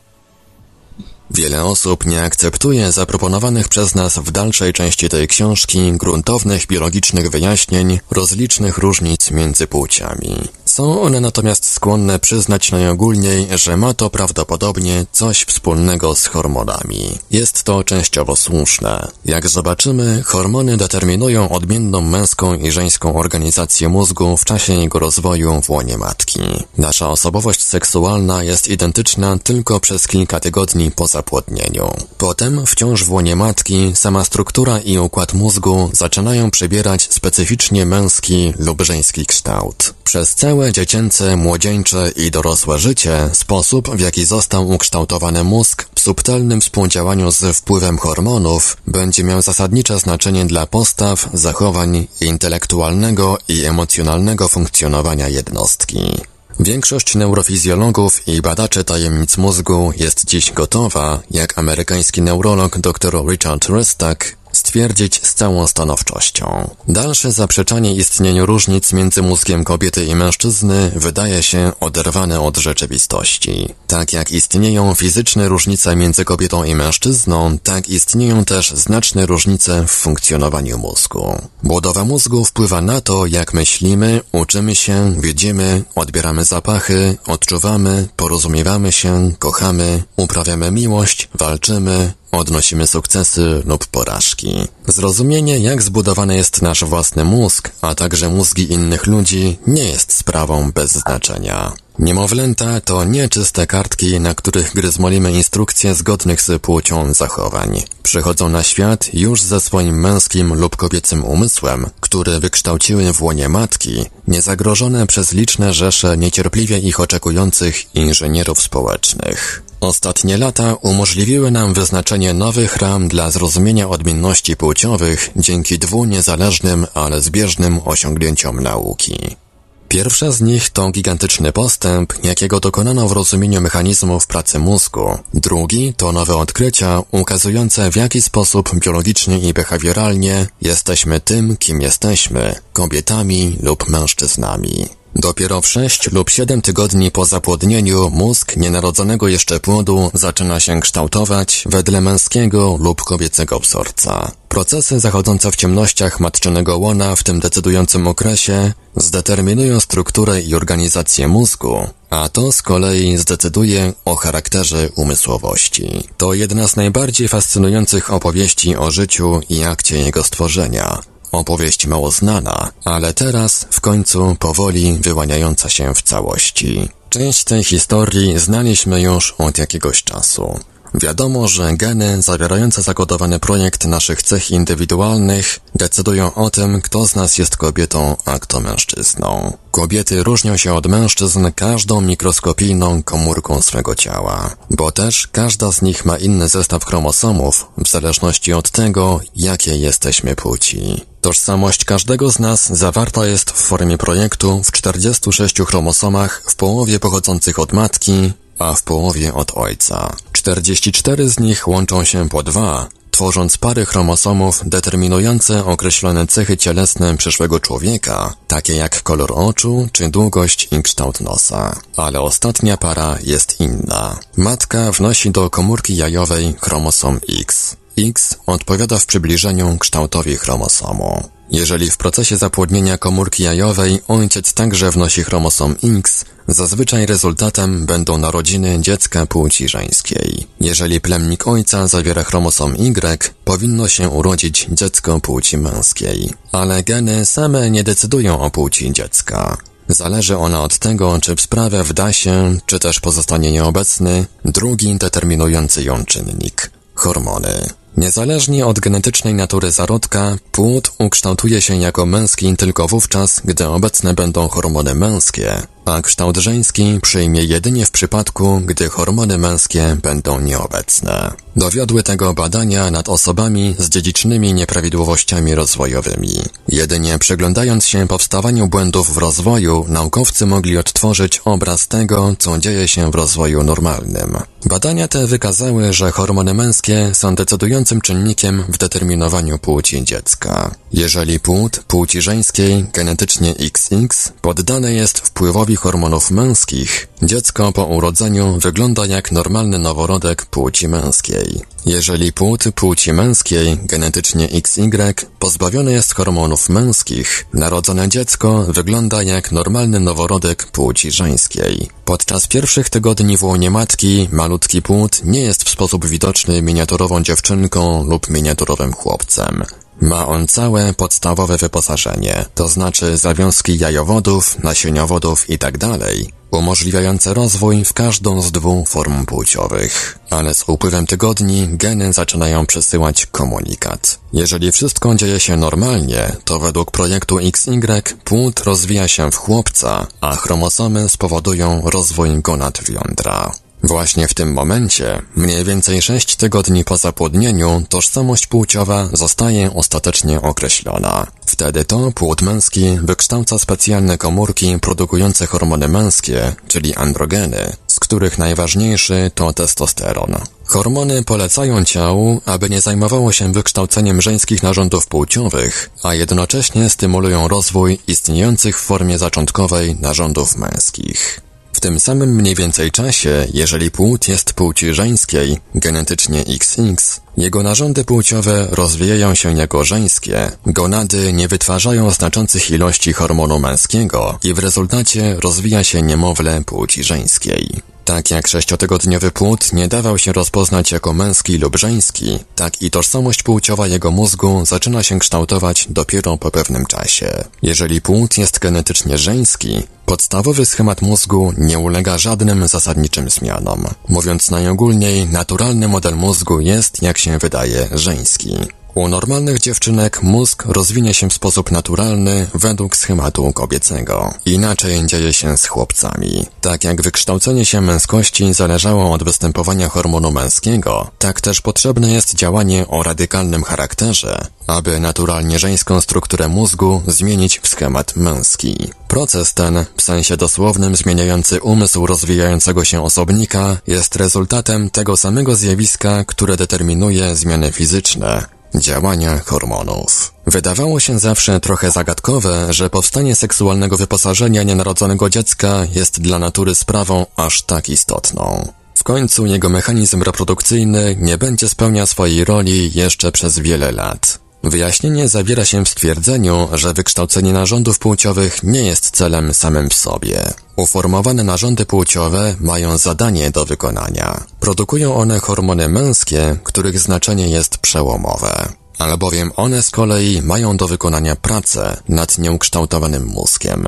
W momencie krytycznym, kiedy mózg zaczyna się formować, płód płci męskiej poddany zostaje działaniu ogromnej dawki hormonu męskiego. Poziom tego hormonu jest w tym okresie czterokrotnie wyższy niż poziom, który osiągnie on przez cały okres niemowlęcy i dziecięcy. Gwałtowny przybór hormonu męskiego występuje w obu przełomowych momentach rozwoju osobnika płci męskiej. W okresie dojrzewania, kiedy jego seksualność uaktywnia się, oraz sześć tygodni po zapłodnieniu, w momencie, kiedy zaczyna się formować jego mózg. Ale, tak samo jak w przypadku innych części ciała, nastąpić mogą zaburzenia rozwoju. Płód męski może mieć dostateczną ilość hormonów męskich do zapoczątkowania rozwoju męskich narządów płciowych. Te narządy jednakże mogą nie być w stanie wytworzyć dodatkowo takiej ilości hormonów męskich, która spowodowałaby uformowanie się mózgu według wzorca męskiego. Mózg takiego dziecka pozostaje kobiecy, a więc urodzi się ono z kobiecym mózgiem w męskim ciele. W taki sam sposób płód żeński może zostać poddany działaniu przypadkowej dawki hormonu męskiego. Później zobaczymy, jak jest to możliwe i w efekcie przyjść na świat z męskim mózgiem w kobiecym ciele. Ja dziękuję Iweliuszowi za wybór tego fragmentu, bo doskonale pamiętam, jak sam go czytałem w książce i muszę się podzielić z wami taką uwagę. Otóż wtedy po mnie chodziły ciary i teraz jak słuchałem tego również. Jakoś się czuję dziwnie nieswojo, bo ja jakoś pogodziłem się z tym, że istnieje ewolucja od czasów Darwina. Pogodziłem się z tym, że, mm, że istnieje genetyka, która determinuje mnie. Natomiast jakoś, że tak powiem, nie uświadamiałem sobie, że jestem na bieżąco, wtedy kiedy już jestem na tym świecie, dalej projektowany. Po pierwsze, zostałem zaprojektowany, ale to jeszcze mało. Dalej jakaś straszliwa fabryka pracuje. Ja myślę już, że mam wolną wolę. Mam lat tych 9, 10, 12, że jestem już prawie dojrzałym mężczyzną, mam tą świadomość, wolnym człowiekiem współczesnego świata, a tutaj nagle jakaś fabryka hormonalna pracuje nad tym, żebym ja dopiero osiągnął jakąkolwiek umysłową sprawność, nie, nie mówiąc o innej i tak dalej, coś, ja tego uczciwie, Marku, nie rozumiem. E, co tu się dzieje? Kto to projektuje? E, ja rozumiem, tak. To wszystko random, to wszystko przypadek, nie? To wszystko zupełnie, no, no przyroda się tak fajnie w, w to koryto rzeki wlała i tak się do tego. Mm, ale ja tego nie rozumiem, uczciwie mówiąc. Tego, tego projektowania albo y, nie tyle nie rozumiem, co po, zaczynam podziwiać y, tą przyrodę. Jej nieprawdopodobną, nie wiem co, tu brak mi słów, Marku, brak mi słów do, do skomentowania tego. No to przyjdę ci, przyjdę ci z odsieczą, i, ponieważ zapowiedzieliśmy hmm. japońską historię, to teraz jesteś e, naszym słuchaczom tę japońską historię Boże, złapałeś mnie za słowo. E, dobrze, jak nie umiem, nie umiem po akademicku, to powiem po ludzku w takim razie. Otóż zupełnie przypadkiem kiedyś opowiedziałem Markowi taką, taką historykę opisującą różnicę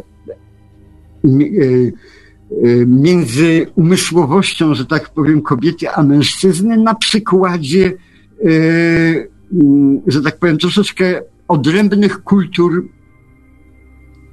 Ale ja powiem jedną rzecz. To, to jest przykład o tyle znakomity i dlatego tak ci cisnę w tej chwili, żebyś go opowiedział, ponieważ on pokazuje, że to toporne, tak? To, tak. To, to toporne stanowisko mężczyzny, czyli rządzenie y, na siłę, y, domaganie się swojej władzy, no bywa zwodnicze po prostu, że nam się wydaje i myślę, że niektórym feministkom również się wydaje, że rządzić to znaczy walić pięścią w stół. I dlatego niektóre feministki e, trochę zachowują się tak, jakby chciały zostać samcami. Na szczęście są też takie, które po prostu wiedzą, że kobietom należą się równe prawa i na tym poprzestają. Bo, bo to jest istota, istota rzeczy, że kobiety powinny mieć równe prawa, natomiast, natomiast to, czy one muszą być za wszelką cenę mężczyznami, no lepiej, żeby nie były.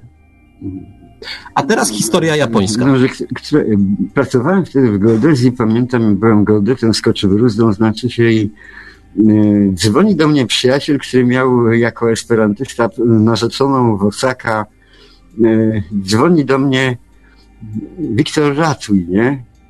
Do pracy do mnie dzwoni, a ja mówię, no co mam ci ratować? Życie, czy co, budżet, nie? A on mówi, nie, przyjechała Midori, nie? Y, ja mówię, no to dobrze, no ale jak ja ci mam w tym pomóc? Nie, nie no, wszystko w porządku, tylko że przyjechała z przyjaciółką, nie? Z tej Osaka. Midori mówiłeś, to narzeczona. To narzeczona, tak, tego, tego mojego przyjaciela, nie? Ja mówię, no dobrze, to spróbuję cię poratować, nie? To zwolniłem się z pracy, a właściwie wyszedłem i, i tego. Poszedłem do niego do domu, Mieszkał w takiej wielkiej kamienicy mieszkańskiej. Jeden pokój przejściowy, drugi przejściowy, trzeci przejściowy. Daleko, daleko, daleko kuchnia, a jeszcze dalej łazienka. Idę, wchodzę, otwierałem drzwi bez pytania, bez dzwonka tam, bo byłem prawie domownikiem. Wchodzę do niego, siedzi Michał w fotelu, nogi wywalone na stół i czyta gazetę. Chyba Obserwera, o ile pamiętam, wtedy czyta, nie? Cześć Michał, gdzie ona, nie? A gdzieś tam, nie? I macha ręką, nie? Chcę podkreślić, one przyjechały do Bydgoszczy wtedy chyba półtorej godziny temu, nie? Wcześniej. Wcześniej, tak, nie? No więc ja chcę się spoufalić, że tak powiem, więc mówię, to ja pójdę pogadam, nie? Idę tam do nich, nie? Jeden pokój pusty, drugi pokój pusty, trzeci pokój pusty, patrzę, kuchnia też pusta, nie do końca. Gdzieś tam pod stołem na podłodze widzę na kolanach jakąś jedną, która właśnie ściera ostatnie kawalerskie wybryki Michała z podłogi, e, a druga e, ostatni szlif robi w łazience. One przyjechały do Bydgoszczy półtorej godziny temu. No w porządku. E, w kuchni nic nie było. Zabrałem, zaprosiłem całą czwórkę razem z sobą do super knajpy pod Orłem w Bydgoszczy taki był hotel. E, idziemy, ja chcę się spoufalić, idę po chodniku, jakoś nie mogę się z nimi dogadać, nie? Łamię ten swój angielski, nie mogę się dogadać, nie rozumiem dlaczego, zaczyna mnie w, w szyj, szyja boleć, nie? Mm, co się okazuje? Cokolwiek ja nie mówię, to trafia w próżnię, gdyż ona się jest zawsze te 5 centymetrów e, leciutko w tyle. Ona jest, idzie równo ze mną, ale te 5-10 centymetrów e, pół kroku wstecz. Więc ja muszę się, no i tak dalej. Trudno, trzeba się nauczyć mówić przed siebie, a ona i tak to bierze do siebie, nie? No ale e, przychodzimy do knajpy, siadam z jest wielka emocja, bo za komuny to jeszcze, że tak powiem, Japonki nie grasowały po, po Polsce e, tak e, tak publicznie. No więc siadamy przy tym, przylatują kelnerzy, kładą wielkie menu, przed kobietami oczywiście jest wielka konsternacja. Kobiety są czerwone po uszy, no i spuszczone oczy i wstyd strasznie bije z ich twarzy, nie? No tak, Michał mi uświadamia, nie?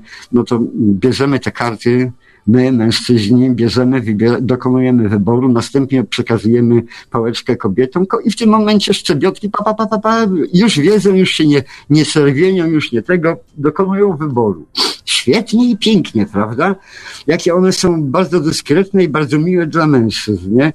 Dobrze, są wakacje, wsiadamy w autobus, zaprosi, mówię, jedziemy na Mazury, pokażemy Japonkom polskie y, jeziora, nie?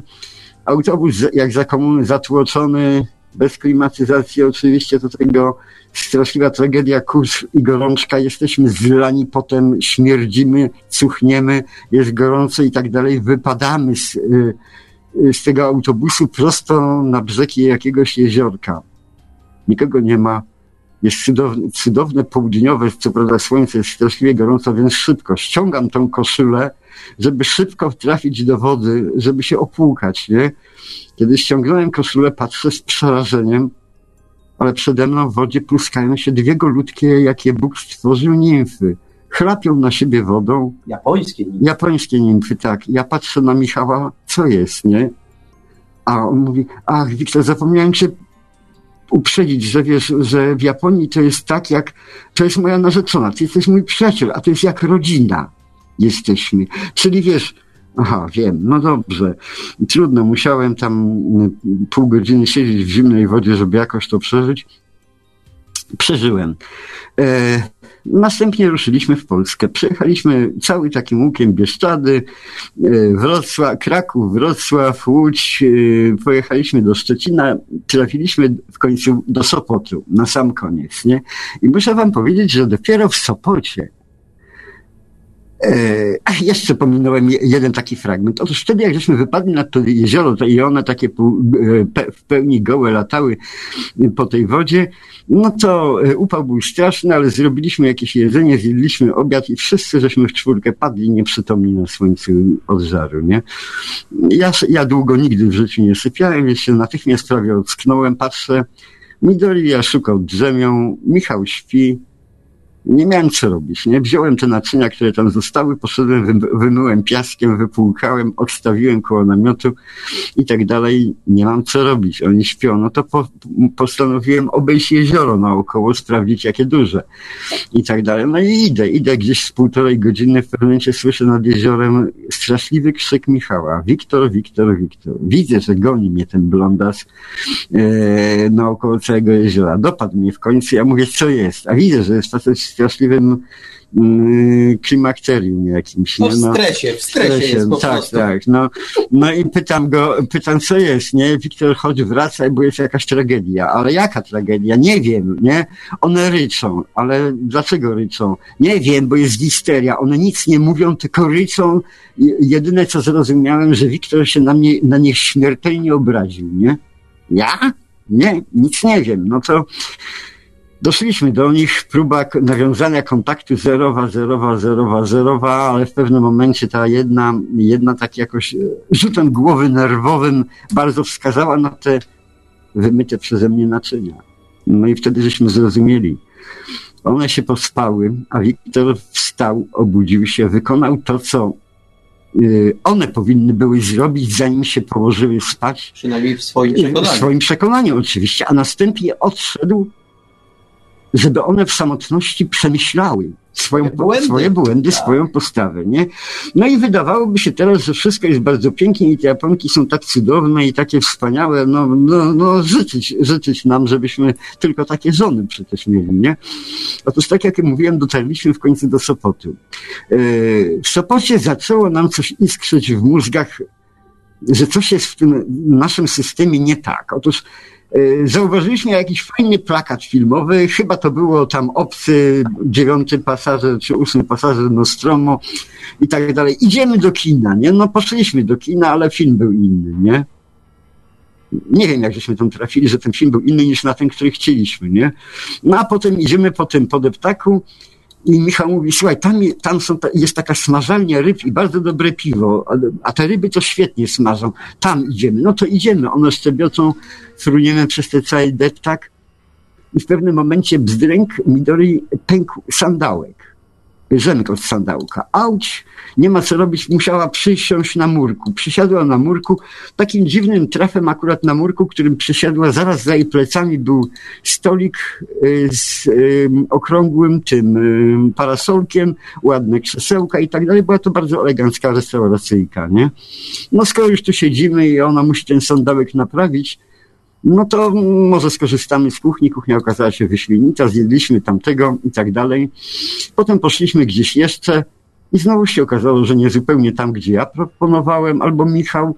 A, I wtedy zaczęliśmy z Michałem uzgadniać, co żeśmy przeżyli przez te całe wakacje. I zaczęło wychodzić szydło z worka. Otóż myśmy robili tylko i wyłącznie to, co one chciały. E, jak to możliwe?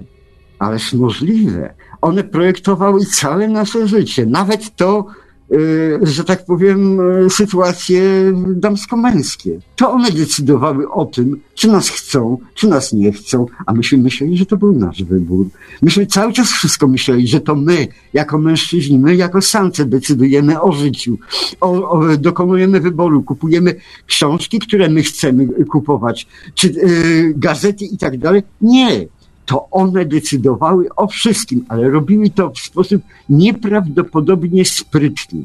Tak jak ten sandałek, czy jak, jakakolwiek inna i tak dalej. I teraz, jak zaczęliśmy dochodzić do tego, to doszliśmy do tego. Przecież takie były, na tym polegała w ogóle yy, szkoła gejż w Japonii.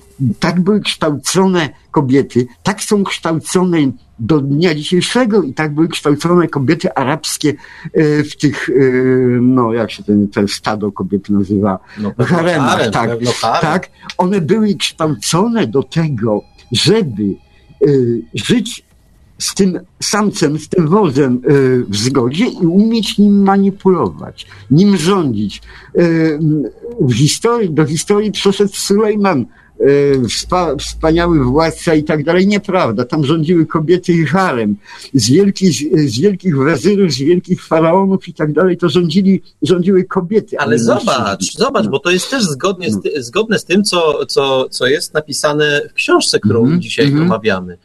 Bo to też jakby mężczyźnie zależy na tym, żeby wyeksponować swoje nazwisko, żeby on tam był, żeby się tak. zapisać, zapisał w historii. Tak. A kobiecie na ogół tak. Zależy na tym, żeby przeprowadzić tak. to, co chce przeprowadzić, tak. przeprowadzić to tak, jak chce i to na ogół się zresztą mhm. odbywa z korzyścią dla mężczyzny. Mhm. To pamiętasz, jak rozmawialiśmy o tym, że faceci mieli czas być genialni i mieli czas na odkrycia, dlatego, że im umożliwiały przez długi, długi czas y, taką działalność kobiety to e, kobiety dbały o to, o to, żeby on nie, za przeproszeniem, nie pogrążył się w brudzie i smrodzie, żeby różne inne jego potrzeby były zaspokojone. On sobie w tym czasie mógł e, pisać, wynajdować, no cokolwiek. Hodować pleśń w tak, tych całych tak. tam y, naczyniach i tak dalej. Natomiast one tak naprawdę są cichymi bohaterami, bo to e, pewno równie, równie mocno można, te jakby się ktoś bardzo uparł, to mógłby te odkrycia poszczególne, no jednak częściowo rozłożyć na, na ich działalność, bo gdyby nie one, no to to jeden, drugi, trzeci, czwarty pan, um, no to tak jak powiedziałem, ciężko by było. I to jest częściowo odpowiedź dla, y, dla Łokietka, który tak powiedział, że kobiety są stworzone do rodzenia dzieci, tak, tak sobie skwitował to, do, rodze, do rodzenia dzieci głównie, że to chyba jednak nie jest tak, że, że nawet porzucając polityczną poprawność, to kobiety doskonale od dawna opanowały y, sztukę popychania mężczyzny w takim kierunku, żeby to i tej kobiecie, i mężczyźnie wyszło na dobre. E, ja taką, takie wspominkę mam z czasów, e, z opowieści mojej babci, która, e, moja rodzina dotarła tutaj do Polski z Wileńszczyzny i Morcia, jak opowiadała tam te czasy szlacheckie w tym zaścianku, to mówiła, tam nie było mężczyzn, żadnych. Mężczyzna, jak miał lat 18, to już brał szable albo karabin szedł na wojnę. Zwykle nie wracał z tej wojny. Dobrze, jeśli zrobił w tym czasie dziecko, które zostało i został jakikolwiek potomek, nie? rządziły tymi zaściankami wszystkimi, wyłącznie kobiety. Kobiety dbały o gospodarstwa, kobiety dbały o historię rodziny, dbały o majątek i zwróć uwagę, że to były zwykle obce kobiety, które przychodziły do tego domu, bo to nie były przecież y, zawsze Żbikiewiczki na przykład, nie? Ale w tym momencie to był jej dom, jej dziecko, jej majątek i tak dalej. I ona o to dbała. Mężczyźni to byli przelotne łabędzie takie. Sienkiewicza było coś takiego? Zgadza się. Było. Tak, było. Ja tu powiem, że y, trochę się z nas, ale sympatycznie, trochę się z nas śmieją tu na czacie, że, że Ameryki nie odkryliśmy y, i że to rzecz znana od wieków. No, Pewno, że tak. Natomiast ja myślę, że od czasu do czasu trzeba, trzeba. Takie, takie oczywiste rzeczy powiedzieć, bo myślę, że część, e, część ludzi doszła do wniosku, że wszystko odbywa się inaczej niż się naprawdę odbywa. I czasami warto takie, takie takie oczywistości przytoczyć. A myślę, że się tyle nagadaliśmy, że teraz oddajmy głos um, Iweliosowi i trzeci fragment książki, o której dzisiaj mówimy. Marku, do dzieła. Tym, jacy jesteśmy, jak się zachowujemy, jak myślimy i czujemy, nie kieruje serce, lecz mózg. Natomiast na mózg, jego strukturę i funkcjonowanie wpływ mają hormony. Skoro zarówno struktura mózgu, jak i hormony są u mężczyzn i kobiet różne, to nie powinno nas zaskakiwać, że mężczyźni i kobiety zachowują się odmiennie. Zrozumienie dokładnych relacji między strukturą mózgu, hormonami i zachowaniami pozwoli nam zbliżyć się do rozwiązania niektórych z najbardziej fascynujących zagadek ludzkości. Stoimy dzisiaj u progu tego odkrycia. Pierwszy krok stanowiło ustalenie, że wpływ hormonów na mózg jest dwustopniowy. Podczas rozwoju mózgu w łonie matki hormony kontrolują powstawanie schematu sieci neuronów. Później, w okresie dojrzewania, hormony ponownie odwiedzą mózg, aby uruchomić sieć, którą wcześniej stworzyły. Ich działanie przypomina proces fotografowania. W łonie matki produkowany jest negatyw, który zostaje wywołany dopiero w momencie powrotu tych chemicznych nośników informacji w okresie dojrzewania. Różnice w zachowaniach ludzi uzależnione są od interakcji między hormonami a mózgiem. W następnej fazie badań należało wykryć, czy różnice w zachowaniach kobiet i mężczyzn odpowiadają różnicom w strukturach ich mózgów. Pozwoliłoby to ustalić niepodważalne związki między hormonami, mózgiem i zachowaniem. Nie było to zadanie łatwe. Nawet nasza obecna wiedza na temat mózgu, najbardziej wyrafinowanego z naszych narządów, jest pod wieloma względami zaledwie elementarna. Funkcje mózgu zlokalizowane są w okrytej czaszką półtora kilogramowej bryle tkanek o przygnębiającym wyglądzie ogromnego marynowanego orzecha włoskiego. Mózgi kobiet są nieco mniejsze niż mózgi mężczyzn, ale wydaje się, że nie ma to żadnego znaczenia. Wyższe procesy myślowe mózgu, te właśnie, które odróżniają nas od innych zwierząt, ulokowane są w korze mózgowej, szarej łupinie parocentymetrowej grubości, okrywającej obie połowy mózgu. W różnych epokach przyrównywano mózg do różnych rzeczy. W wieku XIX porównywano go z jednym z nowomodnych wówczas mechanicznych krosien. Dziś natomiast nieuniknione jest myślenie o mózgu w kategoriach komputera. Każdy nowy model mózgu przynosi nową hipotezę, która następnie zostaje odrzucona.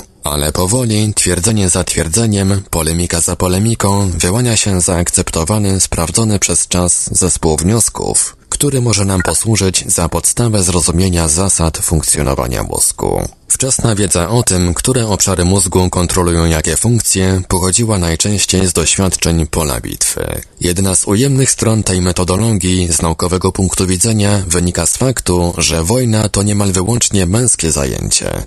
Tak więc danych o kobietach było niewiele. Jak w wielu innych przypadkach, przyjęto wygodne założenie, że co jest prawdą w odniesieniu do mózgu męskiego, stosuje się także do mózgu kobiecego. Odrębne badania nad mózgiem kobiecym przeprowadzono stosunkowo niedawno, ale w tej chwili jest już jasne, że istnieją zasadnicze różnice między mózgami obu płci. Pierwsze wskazówki, że tak jest, pojawiły się blisko 30 lat temu. W ośrodku badawczym Bethesda w stanie Maryland psycholog Herbert Lancel odkrył, że uszkodzenie tych samych obszarów mózgu powoduje u kobiet i mężczyzn odmienne skutki. Poddał on badaniom grupę epileptyków, którym usunięto wcześniej część mózgu. Fragment prawej półkuli odpowiedzialny za kształt rzeczy i przynależną im przestrzeń. Mężczyźni z uszkodzeniami prawej półkuli źle sobie radzili z testami dotyczącymi orientacji przestrzennej. Natomiast u kobiet o podobnych uszkodzeniach mózgu te same umiejętności ograniczone zostały w nikłym stopniu. Mężczyźni, w przeciwieństwie do kobiet, stracili wszelką zdolność do wykonywania zadań przestrzennych w testach IQ. Lancel zajął się następnie lewą półkulą, w której zlokalizowane są zdolności językowe. Także w tym przypadku mężczyźni z uszkodzeniami lewej strony mózgu postradali wiele ze swoich językowych umiejętności. Natomiast kobiety z uszkodzeniem tego samego obszaru mózgu zachowały je niemal w całości. Okazało się, że prawdopodobieństwo występowania trudności językowych jest trzykrotnie większe u mężczyzn niż u kobiet, mimo że wszyscy doznali uszkodzenia dokładnie tego samego obszaru w mózgu. Doprowadziło to Lancela do wniosku, teraz już powszechnie akceptowanego, że u kobiet zdolności językowe i przestrzenne kontrolowane są przez ośrodki w obu częściach mózgu, natomiast u mężczyzn każda z funkcji ma jedną określoną lokalizację. W prawej półkuli umiejętności przestrzenne, a w lewej językowe. Wiele późniejszych badań potwierdziło te pierwsze odkrycia. U kobiet podział funkcji między lewą i prawą półkulą mózgową jest mniej wyraźnie określony. Zarówno lewa, jak i prawa półkula kobiecego mózgu bierze udział w czynnościach werbalnych i wizualnych. Mózgi mężczyzn są bardziej wyspecjalizowane. Lewa półkula mózgu mężczyzny jest niemal wyłącznie przeznaczona do kontroli funkcji werbalnych, natomiast prawa funkcji wizualnych. Mężczyźni, pracując na przykład nad problemem abstrakcyjnym, używają raczej prawej półkuli mózgowej, podczas gdy używają obydwu. Mierzono eksperymentalnie aktywność elektryczną w mózgach dziewcząt i chłopców zajętych rozważaniem w wyobraźni, jakie trójwymiarowe formy można wykonać z płaskiego arkusza papieru. U chłopców stale była pobudzana prawa półkula. U dziewcząt aktywność elektryczna występowała w obu półkulach mózgu. Chłopcy dawali sobie także lepiej radę, jeżeli zadanie pokazano wyłącznie ich lewemu oku, które przekazuje je wprost do odpowiednio wyspecjalizowanej prawej półkuli. U dziewcząt wydawało się nie mieć znaczenia, które oko, a więc i która półkula zajmowało się zadaniem. Mężczyźni z uszkodzeniem prawej półkuli, u których badano zdolność do formułowania ocen artystycznych, a więc wymagających umiejętności wizualno-przestrzennych, mieli poważne trudności z wykonaniem zadania. Kobiety z identycznym uszkodzeniem dawały sobie z tym radę lepiej. Wiecie co? Jak słucham tego, e, tych różnic między kobietą i mężczyzną, to przypomina mi się coś, co miało miejsce chyba 20-30 lat temu, kiedy byłem jeszcze młodym człowiekiem, wpadłem na taki głupi zupełnie pomysł, że żeby napisać opowiadanie science fiction, e, istota jego polegała na tym, że tak naprawdę co nie ma czegoś takiego jak gatunek Homo sapiens, że to były dwa zupełnie odrębne gatunki małp, które zlazły z drzewa i, że tak powiem, podzieliły się rolami. Natomiast nie mają ze sobą, y, przedtem nie miały ze sobą nic wspólnego. Jednemu korzystnie jest przenosić tam te swoje geny, że tak powiem, tak jak kukułka podrzuca jajka do, do, do y, cudzego gniazda. No więc tego, temu wygodniej było to, temu wygodniej to, ale tak naprawdę są to zupełnie dwa odrębne gatunki zwierząt. Ja tak, e, wtedy to była anegdota i wtedy z tego się śmiałem. Oczywiście to był dowcip tylko. Natomiast ja nie wiem, czy, y, czy tak nie jest naprawdę. Otóż y, ostatnia audycja, którą żeśmy tutaj prowadzili, była między innymi o obcych, nie? Myśmy szukali obcych, ja stwierdziłem na koniec, że obcy są wśród nas. Tak, obcy są wśród nas, nie? Obcy to są istoty innej płci. Na czym to polega? Obcy na tyle, że y, na ile dochodzimy z, z, nimi do porozumienia, to oni przestają być obcy, ale że tak powiem genetycznie, umysłowo, myślowo, oni są obcy. I takie są kobiety. To jest. No nie, i tacy są też mężczyźni. No. I taki, tacy są mężczyźni. Zwróćcie uwagę, że w tej chwili na przykład jest taka moda w e, środowisku naukowym e, tworzenia nowych gatunków. Otóż e, znajdzie, znajdzie jakiś biolog na jakimś tam, na jakiejś gąsienicy innego, inaczej ułożonego pryszcza albo innego koloru i natychmiast ogłasza, że odkrył nowy gatunek zwierzęcia. Ostatnio w środku Niemiec odkryto nowy gatunek sosny, nie? Ja myślałem, że to czasów Lineusza wszystko zostało w Europie skatalogizowane i tak dalej, tego, ale się okazało, że odkryto w środku Niemiec gatunek drzewa, którego na, na Ziemi nie było dotychczas, nie? No niestety jest moda odkrywania nowych gatunków. Czym różnią się te gatunki od gatunków znanych? Właściwie niczym. Bardzo drobnymi rzeczami. W porównaniu z różnicami między mężczyzną a kobietą, których różni przepaść umysłowa, biologiczna, pod każdym względem. Ale nie zgadzam się z tobą do końca, bo ty no. ciągniesz w kierunku takim, że to, to są w związku z tym odrębne gatunki. A ja cały czas mówię o tym, tak jak mówiłem o tych dwóch brzegach, mhm. tak mówię o tym, że to, że my jesteśmy różni, ale jesteśmy jednego gatunku, to tak jak z puzzlami. My pasujemy do siebie i zarówno fizycznie, tu od razu uprzedzam wszelkie, wszelkie, y, wszelkie skojarzenia, zarówno fizycznie, jak i, y, jak i mm, pod różnym innym względem. My po prostu y, jesteśmy dla siebie stworzeni. To tak dokładnie, obojętnie jakie, jak wyznajemy światopogląd, stworzenie proszę traktować, proszę traktować tak, um, no, tak jak każdy, be, bez, bez, tak, bez, cienia, bez, cienia, bez cienia ideologii. A ta anegdota, anegdota, ja teraz przeproszę ale środowisko poczek- męskie, ale słuchaj, naprawdę anegdota na temat wielkości mózgu to jest taka sama dokładnie, za przeproszeniem, jak rozmowa między facetami o, o wielkości no, tego, co ma tak, mężczyzna. Tak, tak. E, wiesz co, ja teraz przytoczę bardzo fajna, fajna uwaga na YouTubie.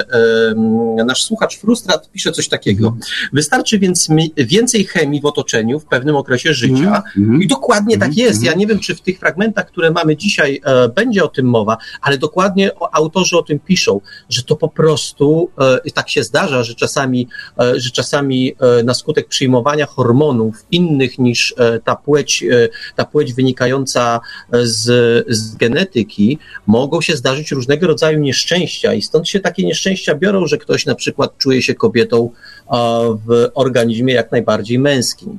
A druga część tego, co napisał Frustrat, ja się czułem jak e, debil do 14-15 roku życia i pół debil do 24-25. Okazuje się, że to wtedy mózg przyjmuje finalną formę. Ja muszę powiedzieć, że jest ten wpis mi dosyć bliski, bo ja miałem mniej więcej takie same tak, tak odczucia. Tak, tak, mniej więcej tak, tak samo tak, się czułem, tak, e, jak, o tym, jak o tym pisze Frustrat. Też coś było ze mną nie w porządku i czułem to, że jest nie w porządku, tylko za cholery nie wiedziałem Ale co. Dlatego to jest ważne na przykład dla współczesnych rodziców, żeby wiedzieć, jak się patrzy na tego syna idiotę, który ma lat 18, to wiedzieć, że to nie jest idiota, tylko że te hormony jeszcze ciężko dojdzie pracują. do siebie, do siebie. Tak jak Być 35 może. pisze, no, no. E, uzupełniamy się po no, prostu, no, no, po prostu się uzupełniamy. E, e, a Wicked, Wicked Silk, gdybyśmy byli różnymi gatunkami, to nasze przetrwanie nie byłoby zależne od siebie. No niestety, to mają, mają rację moim zdaniem i tu się, tu się mylisz ale może to kwestia, kwestia tylko tak naprawdę. Ale ja tylko powiedziałem, tak że, naprawdę słownictwa. Że różnice, tak. różnice są większe tak, o, niż, o, o. niż czasami u gatunków z, zwierząt, które my uznajemy za odrębne gatunki po prostu. Zgoda. Będzie, no. myślę, e, będzie, będzie jeszcze e, tutaj e, przy okazji, a jeszcze o 35 pisze, to nie wojna pachnie, pchnie teologię do przodu, tylko kobiety przepraszam, teologię, technologię. Właśnie, bo miałem mówić o teologii i, i tak się, i tak czasami, człowiek, czasami się człowiek zaplącze. Ale y, dlaczego teologii? Y, bo przyszło mi do głowy, y, już wcześniej o tym wspominałem, że y, bardzo popularnym w pewnym momencie terminem stała się tak zwana płeć kulturowa. To znaczy, wstaję dzisiaj rano, mówię sobie, oj, coś jest niedobrze, czuję się tak jakby lekko kobietą, to ja zostanę kobietą. E, następnego dnia wstanę, nie, nie, jednak się myliłem, dzisiaj jednak jestem mężczyzną. Albo trzy czwarte. Albo trzy czwarte. Nie wiem, wiem, robię sobie jaja w tej chwili, ale y, jakby tak bardzo strywializować, to mniej więcej o coś takiego chodzi. Nie, myślę, że w świetle, y, y, w świetle książki, o której dzisiaj mówimy, coś takiego jak płeć kulturowa mm, nie istnieje, albo inaczej, ona może być pewnym uzupełnieniem. To znaczy, nie jest tak, że nie istnieje zupełnie, ale może być zaledwie uzupełnieniem czego, tych procesów, które się, które się dzieją. A dlaczego, dlaczego mówiłem o teologii? Bo cały czas, cały czas jest to niejasne. Ja myślę, że. Mm, bardzo, od, znaczy o tych wszystkich problemach, o których mówiliśmy, różnego rodzaju teologie, nie, ta, nie tylko ta, którą naj, najlepiej znamy, ale wszelkie teologie, e, zauważ, że w sprawach płci E, religie, no już może nawet nie teologię, ale religie wypowiadają się dosyć ostrożnie, prawda? Mm, tak, bo, bo, bo, bo ci, którzy się wypowiadają po tamtej stronie, oni wiedzą, co mówią. To trzeba ostrożnie się, się wypowiadać na ten temat. Mam wrażenie, że stąpamy po bagnach w tej chwili. To ja e, no. ucieknę, ucieknę w to, co robimy najlepiej, e, to, co robi najlepiej Ivelios, czyli Iveliosie oddajemy Ci głos i poprosimy o kolejny, kolejny fragment. Nowe badania wykazały bardziej złożony charakter różnic w budowie mózgu u obu płci. Odkryto, że także lewa półkula mózgowa jest odmiennie zorganizowana u kobiet i u mężczyzn. Profesor Doreen Kimura, psycholog z Kanady, odkryła, a potwierdzili to później inni naukowcy, że funkcje mózgu odnoszące się do mechanizmów językowych takich jak gramatyka, ortografia czy fonetyka zorganizowane są u kobiet i mężczyzn odmiennie. U mężczyzn funkcje te umieszczone są z przodu i z tyłu lewej półkuli mózgowej. U kobiet są one bardziej skupione i koncentrują się z przodu lewej półkuli. Stwierdzono też, że takie różnice w układzie między przeciętnym mózgiem męskim a przeciętnym mózgiem kobiecym mają bezpośredni wpływ na odmienności w sposobach myślenia kobiet i mężczyzn. Charakter związku między różnicami w strukturach mózgu a różnicami, jakie wykrywa się w zachowaniach i ustaleniach obu płci, stanowi przedmiot gorących dyskusji wśród naukowców. Rozmowy z najwybitniejszymi specjalistami pozwoliły nam następująco sformułować ich obecną hipotezę roboczą.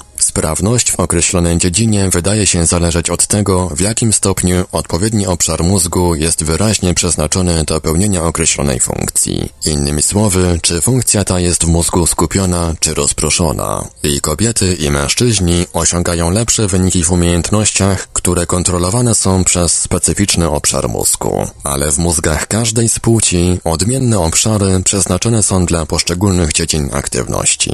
Oznacza to, że schemat organizacji mózgu właściwy każdej płci ma dla niej zarówno zalety, jak i wady. Schemat męski, w którym więcej funkcji mózgu kontrolowanych jest przez specyficzny tylko dla danej funkcji obszar mózgu, powoduje, że mężczyźni nie dają się tak łatwo rozpraszać zbytecznym informacjom. Jednakże mózg ludzki, męski czy kobiecy, nie poradzi sobie ze zbyt wielkim napływem informacji. Skutecznie wykorzystać możemy tylko ograniczoną część pojemności mózgu. Badania przeprowadzone nad pianistami koncertowymi wykazały, że mogą oni grać precyzyjnie dwie różne melodie, po jednej każdą ręką. Gdy próbowali równocześnie nucić, zmniejszała się precyzja ich prawej ręki. Dzieje się tak, ponieważ zarówno nucenie, jak i ruchy prawej ręki kontrolowane są przez lewą półkulę. Jeśli jednocześnie wykonuje się zbyt wiele czynności kontrolowanych przez tę półkulę, jej pojemność zostaje przekroczona, a w efekcie czynności te wykonywane są mniej sprawnie. To samo odnosi się do innych czynności, a oznacza to, że różnice w strukturze mózgu u kobiet i mężczyzn prowadzą do różnic w sprawności wykonywania przez nich określonych czynności. Znana kanadyjska badaczka płci mózgu Sandra Whittleson sądzi, że te właśnie różnice mogą powodować, iż mężczyznom łatwiej wykonywać dwie różne czynności jednocześnie. W jej opinii mężczyzna z większą niż kobieta łatwością może na przykład jednocześnie mówić i odczytywać mapę. Każda z tych czynności kontrolowana jest bowiem przez inną półkulę mózgową. U kobiety te same czynności kontrolowane są przez obszary w obu półkulach. Mogą one ze sobą kolidować i kobieta nie będzie w stanie jednocześnie równie dobrze mówić i odczytywać mapę. Według wielu badaczy różnice w organizacji mózgu pozwalają także wyjaśnić przewagę mężczyzn pod względem orientacji przestrzennej. Orientacja przestrzenna u kobiety kontrolowana jest przez obie półkule. Kontrolujące ją obszary pokrywają się częściowo z obszarami kontrolującymi inne czynności. Kobieta próbuje wykonać dwie czynności naraz, posługując się tym samym obszarem mózgu, co prowadzi do osłabienia jej funkcji przestrzennych.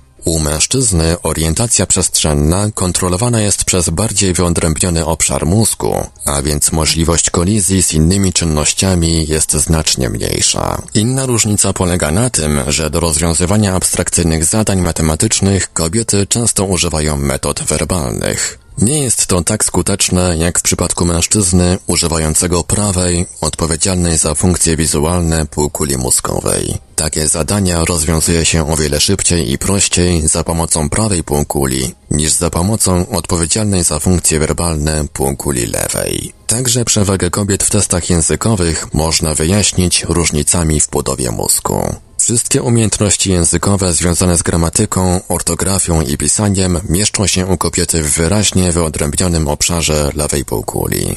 U mężczyzny są one rozłożone w przedniej i tylnej części mózgu, a więc musi on włożyć więcej wysiłku w zdobycie tych umiejętności. Dziękujemy. No, tutaj na czacie napi napisał Jubi, y, że panowie kobiety raczej chyba dziś nie polubią waszej audycji.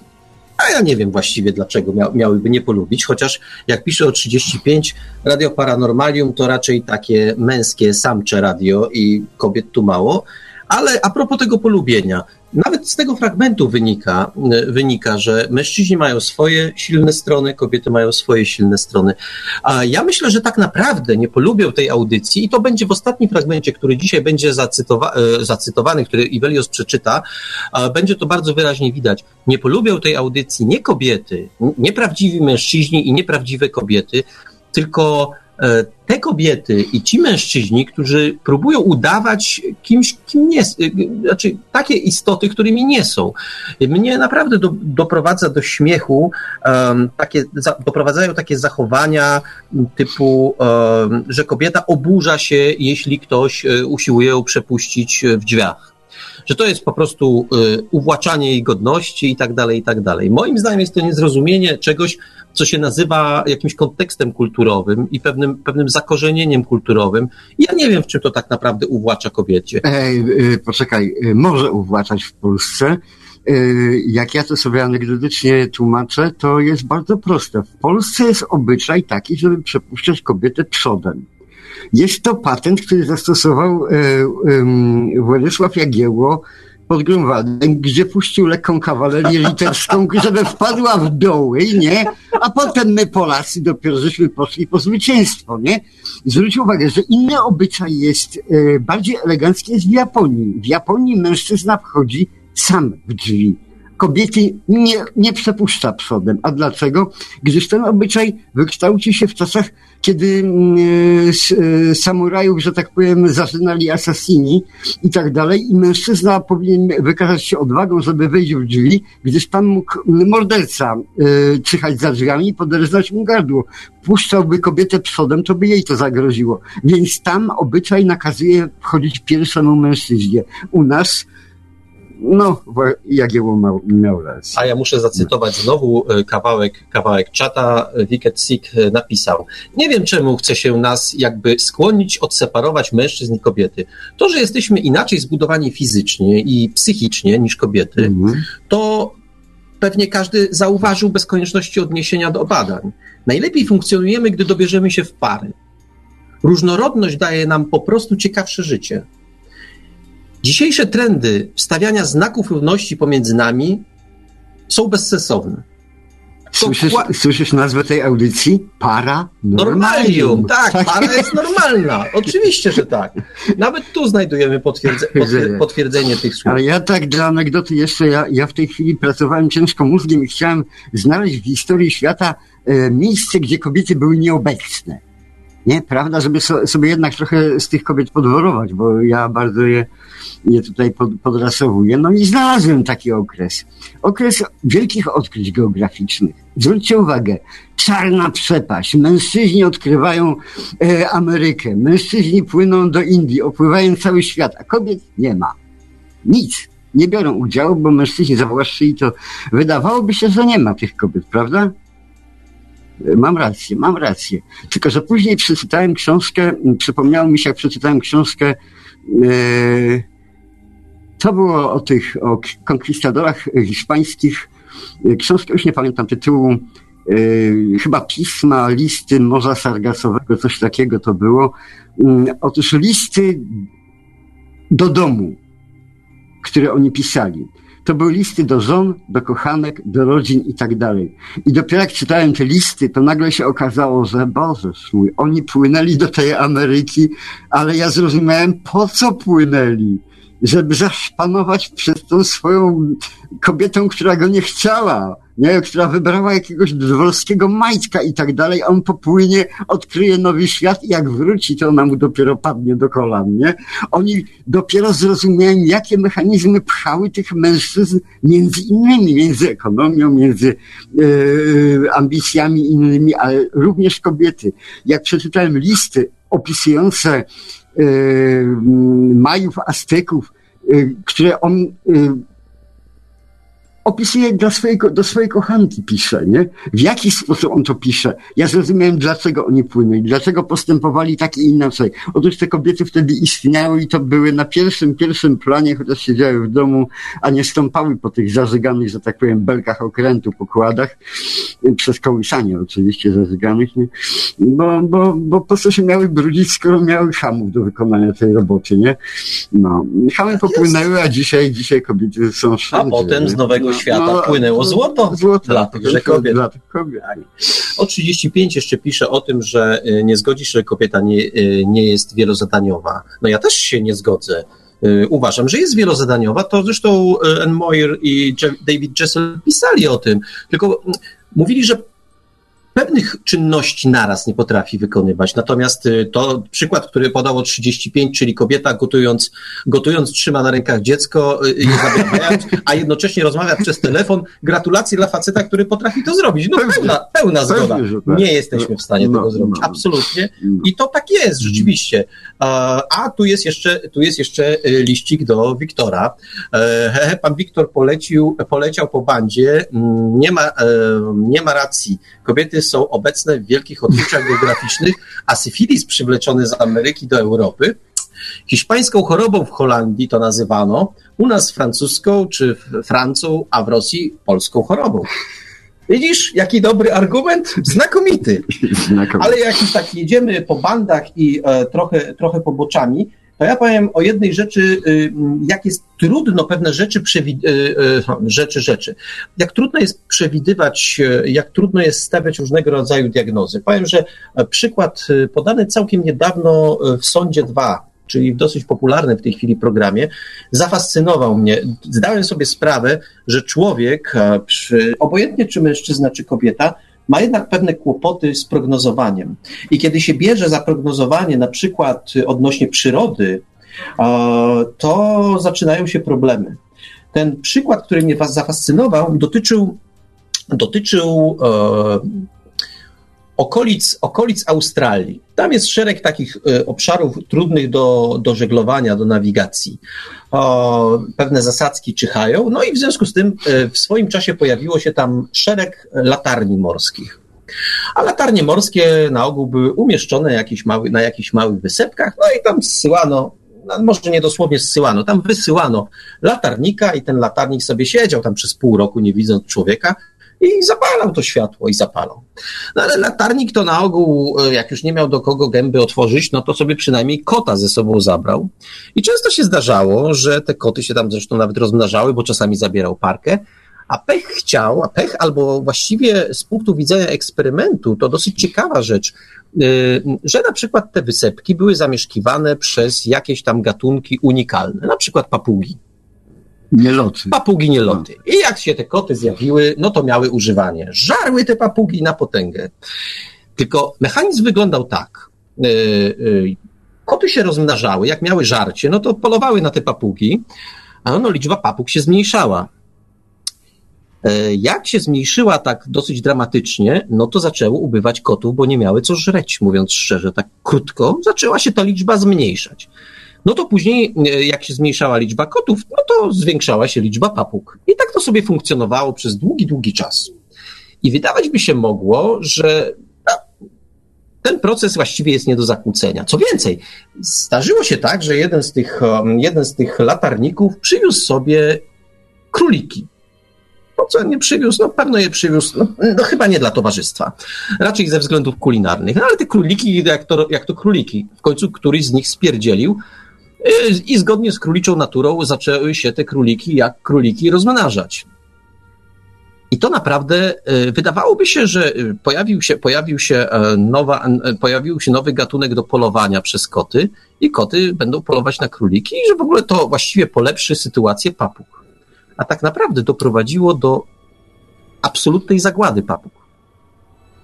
Jak to powiedziałem, to wszyscy się teraz zastanawiają, ci, co nie słyszeli oczywiście, jakie rozwiązania podanego w sądzie, jak to było możliwe? Przecież właściwie nie powinno tak być. Otóż dzięki temu, że pojawiły się króliki, no czy koty nie polowały generalnie na te króliki, bo to uciekało, szybko biegało, no, trzeba było to dorwać. Papuga była lepsza do zżarcia, bo mniej była, jak sobie na tych krótkich nóżkach uciekała przed kotem, no to miała szanse takie powiedzmy dosyć średnie. Ale jak się liczba papug zmniejszyła i te, ta powiększona liczba kotów nie miała co żreć, to się zabrała za te króliki. No czemu nie? No w końcu trzeba coś jeść. I okazało się, że po prostu y, pojawienie się królików zapobiegło spadnie, y, te, te, temu cyklicznemu spadkowi liczby kotów. No a jak liczba kotów nie spadła, no to wycięły te papugi w pień. Po co ja podaję ten przykład, bo on jest jakby słabo związany z tematyką dzisiejszej audycji. Ale chodzi mi tak naprawdę o to, żebyśmy uświadomili sobie, że my tak próbujemy w tej chwili ogarnąć, co kobiety, co mężczyźni i w jaki sposób to wszystko działa. I pewno też y, autorzy książki, o której dzisiaj mówimy, pewno też nie o wszystkim napisali i nie wszystko odkryli. Ja nie mam wątpliwości, że to, co napisali, jest bardzo fajne i bardzo się miło tego słucha, ale myślę, że oni tak naprawdę dotknęli tylko y, problematyki związanej, związanej z różnicą płci. Oni ją pewno nieźle opisali, pisali, jeśli chodzi o źródło tych, tych różnic, y, takie czysto i genetyczne, i hormonalne, oraz skutki, jakie, jakie powodują te różnice, to pewno jest zrobione nieźle i, i myślę, że, że, y, że nauka może tylko wzmocnić te, te tezy, które postawili. Niemniej jednak, y, tam się czasami pojawiają takie, takie próby, takie wycieczki w kierunku tego, żeby wyciągać pewne wnioski. E, I ja nie jestem przekonany, czy wnioski, które, które, niektóre wnioski, które się pojawiają w tej książce, e, są tak do końca słuszne. To jest tak jak z tymi papugami i królikami. Kiedy się pojawiły króliki, wydawało się, że to może być coś dobrego, a w rezultacie okazało się, że zagłada, zagłada, e, zagłada, mm, zagłada tych biednych papug nastąpiło. To, co o 35 pisze o tej roślinności, to jeszcze dodatkowy smaczek, już nie chciałem e, komplikować, e, komplikować, komplikować obrazu. Ale fajne jest to, co napisał Jubi, że w przyrodzie, że jak w przyrodzie na koniec samica pożera samca. No, modliszkowy system również bywa, bywa obecny w wielu związkach nawet.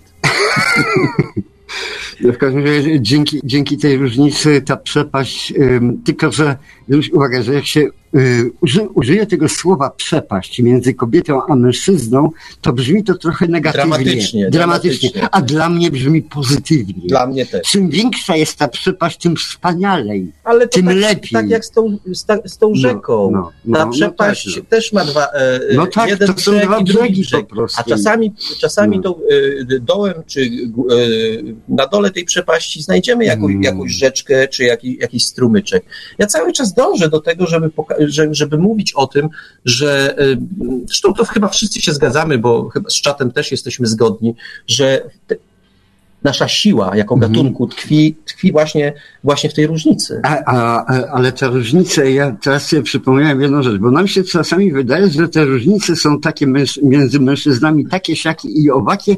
Na przykład są typowo zachowania typowo kobiece, zachowania typowo męskie, otóż e, walne coś na temat takich zachowań. Otóż wydaje się, że jednym z takich zachowań, jak przeglądanie się w lusterku, że to jest e, zachowanie typowo żeńskie przecież, przecież oczywiście. Kobieta się wstanie, będzie się tam mizdrzy do tego lusterka, zanim wyjdzie z domu. Jeśli się nie wymizdrzy, to nie wyjdzie.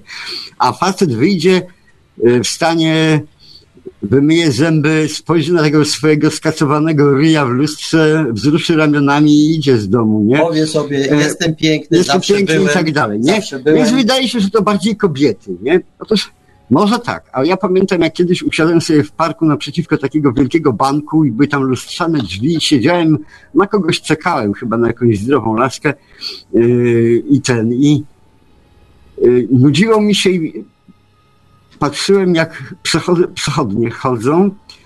No i była wielka taka szyba w tym banku w drzwiach i wydawałoby się, że to kobiety powinny się przeglądać w tym szybie.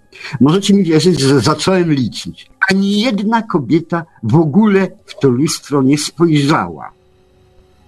Kobiety, wiecie na co patrzyły? Kobiety szukały nie samców, ani nie lustra, szukały innych kobiet, na które patrzyły albo wyzywająco, albo patrzyły jak one wyglądają, albo no, grały między innymi kobietami, prowadziły grę. Lustro ich nie interesowało. One wyszły w domu, w domu zrobiły ten makijaż, który należy i one były pewne siebie. Natomiast w tym lustrze przeglądał się absolutnie każdy mężczyzna. Każdy najbardziej herlawy albo najbardziej męski mężczyzna przechodząc do tego lustra zerkał, zwalniał kroku, nagle się wyprostowywał, wypinał pierś, wydłużał krok, on szpanował. On po prostu um, od razu szukał Oczywiście, nie kobiet, ale y, szuka jakiegoś powiększenia po prostu siebie i tak dalej tego. Czyli zachowanie wydawałoby się ty, typowo żeńskie. Nie, o wiele bardziej męskie. Patrzenie w lusterko, nie? No, to tak na marginesie. Tak jest, lubię siebie i dobrze lubię mi z tym, tak? No. Marku, poprosimy o jeszcze jeden fragment y, książki, o której dzisiaj rozmawiamy. Nasza nowo nabyta wiedza o tym, co kieruje naszymi zachowaniami i decyduje o takiej ich odmienności, sama z siebie nie zmieni tego skomplikowanego układu, jakim jest małżeństwo. Nie zaprezentujemy tu nowego jego wzorca ale jesteśmy przekonani, że wiele napięć w tym najważniejszym ze związków między ludźmi wynika z błędnego przekonania, że mężczyźni i kobiety to istoty identyczne. Sprzeczność pomiędzy tym założeniem a rzeczywistością prowadzić może do rozgoryczania, zaciekłości i wzajemnych oskarżeń. Wszystko mogłoby się stać nieco łatwiejsze, gdybyśmy przyznali, jak bardzo się od siebie różnimy. Może nawet bylibyśmy nieco szczęśliwsi. W końcu niewiele jest dowodów na to, że feministyczna wiara i negowanie różnic między płciami przyniosło choć trochę małżeńskiego szczęścia czy to kobietom, czy mężczyznom. Jest bardziej prawdopodobne, że właśnie uznanie różnic między płciami doprowadzi do zawieszenia broni w wojnie płci, niż że doprowadzą do tego naiwne deklaracje o braku istotnych różnic. Jeden z problemów polega na tym, że po raz pierwszy w historii kształcimy dziś chłopców i dziewczęta w zupełnie ten sam sposób. Program szkolny odzwierciedla przekonanie o naszej identyczności i zachęca młodzież, by w to uwierzyła. W tej sytuacji małżeństwo staje się szokiem. Nie wydaje się, abyśmy wychowywali obie płcie do zawarcia małżeństwa, pisze autor niedawnej pracy o małżeństwie. Dzisiaj najtrudniej wszystkim nam przyznać, że obie płcie wchodzą w związek małżeński z bardzo odmiennymi oczekiwaniami i przygotowaniem emocjonalnym. Kobieta wnosi do związku wrażliwość emocjonalną, skłonność do wzajemnej współzależności, tęsknotę za bliskością uczuciową i za seksem jako wyrazem tej emocjonalnej intymności. Mężczyzna jest w dziedzinie uczuć znacznie mniej wymagający, a bywa nawet zupełnie ślepy na ich wagę. Skłonny jest do niezależności i swoje obowiązki w ramach kontraktu małżeńskiego postrzega przede wszystkim w kategoriach zapewnienia bezpieczeństwa finansowego. Chce udanego życia seksualnego, w którego rezultacie jego żona zaludni małe rodzinne państwo, na którego czele on stoi i zbuduje solidny fundament dla jego życia. Mężczyzna prawdopodobnie nie wie, że biologia kobiety spowoduje u niej niezrozumiałe i nieracjonalne zmiany nastroju. Ona nie zdaje sobie sprawy, że jego biologia niesie za sobą niższy próg gniewu i frustracji. W rezultacie zagrożona jest przynajmniej domowa zastawa, jeśli nie coś więcej. Reagowanie z furią na wrodzoną męskość mężczyzn jest równie skuteczne jak wściekanie się na pogodę czy na istnienie Himalajów. Sensowniejsze wydaje nam się założenie płaszcza przeciwdeszczowego i porzucenie planów zrównania Monteverestu z ziemią. Niektóre kobiety przekonane są jednak, że jedyna droga do zbawienia leży w całkowitym przekształceniu społecznego i seksualnego krajobrazu naszej planety. Jak twierdzą ekstremistki, dysponujemy dziś technologią pozwalającą zniwelować biologiczne różnice między płciami. Aborcja metodą próżniową, zapłodnienie in vitro, dzieci z probówki uczynią ciążę, seks i małżeństwo czymś zbędnym, mężczyzn zresztą także. Pozostanie im jedynie rola trzymanego w zagrodzie stada rodowodowych dostarczycieli spermy, choć technika zamrażania może i z tym dać sobie radę. Wszystko to świetnie, dopóty, dopóki zadowalamy się sprowadzeniem różnic biologicznych do tego, że kobiety rodzą dzieci i karmią je piersią, a mężczyźni nie. Ale różnice te, jak teraz wiemy ponad wszelką wątpliwość, sięgają znacznie głębiej. Dotyczą one mózgu, jego struktury i strategii. Te z kolei determinują nasze nadzieje, ambicje, umiejętności i zdolności. Stanowią o istocie naszej osobowości. Redukując różnice między płciami do różnic reprodukcyjnych, neguje się nie tylko prawdę naukową, ale także istotę naszego człowieczeństwa, zarówno męskiego, jak i kobiecego. Problem polega na tym, że to apostołowie identyczności płci nadają ton.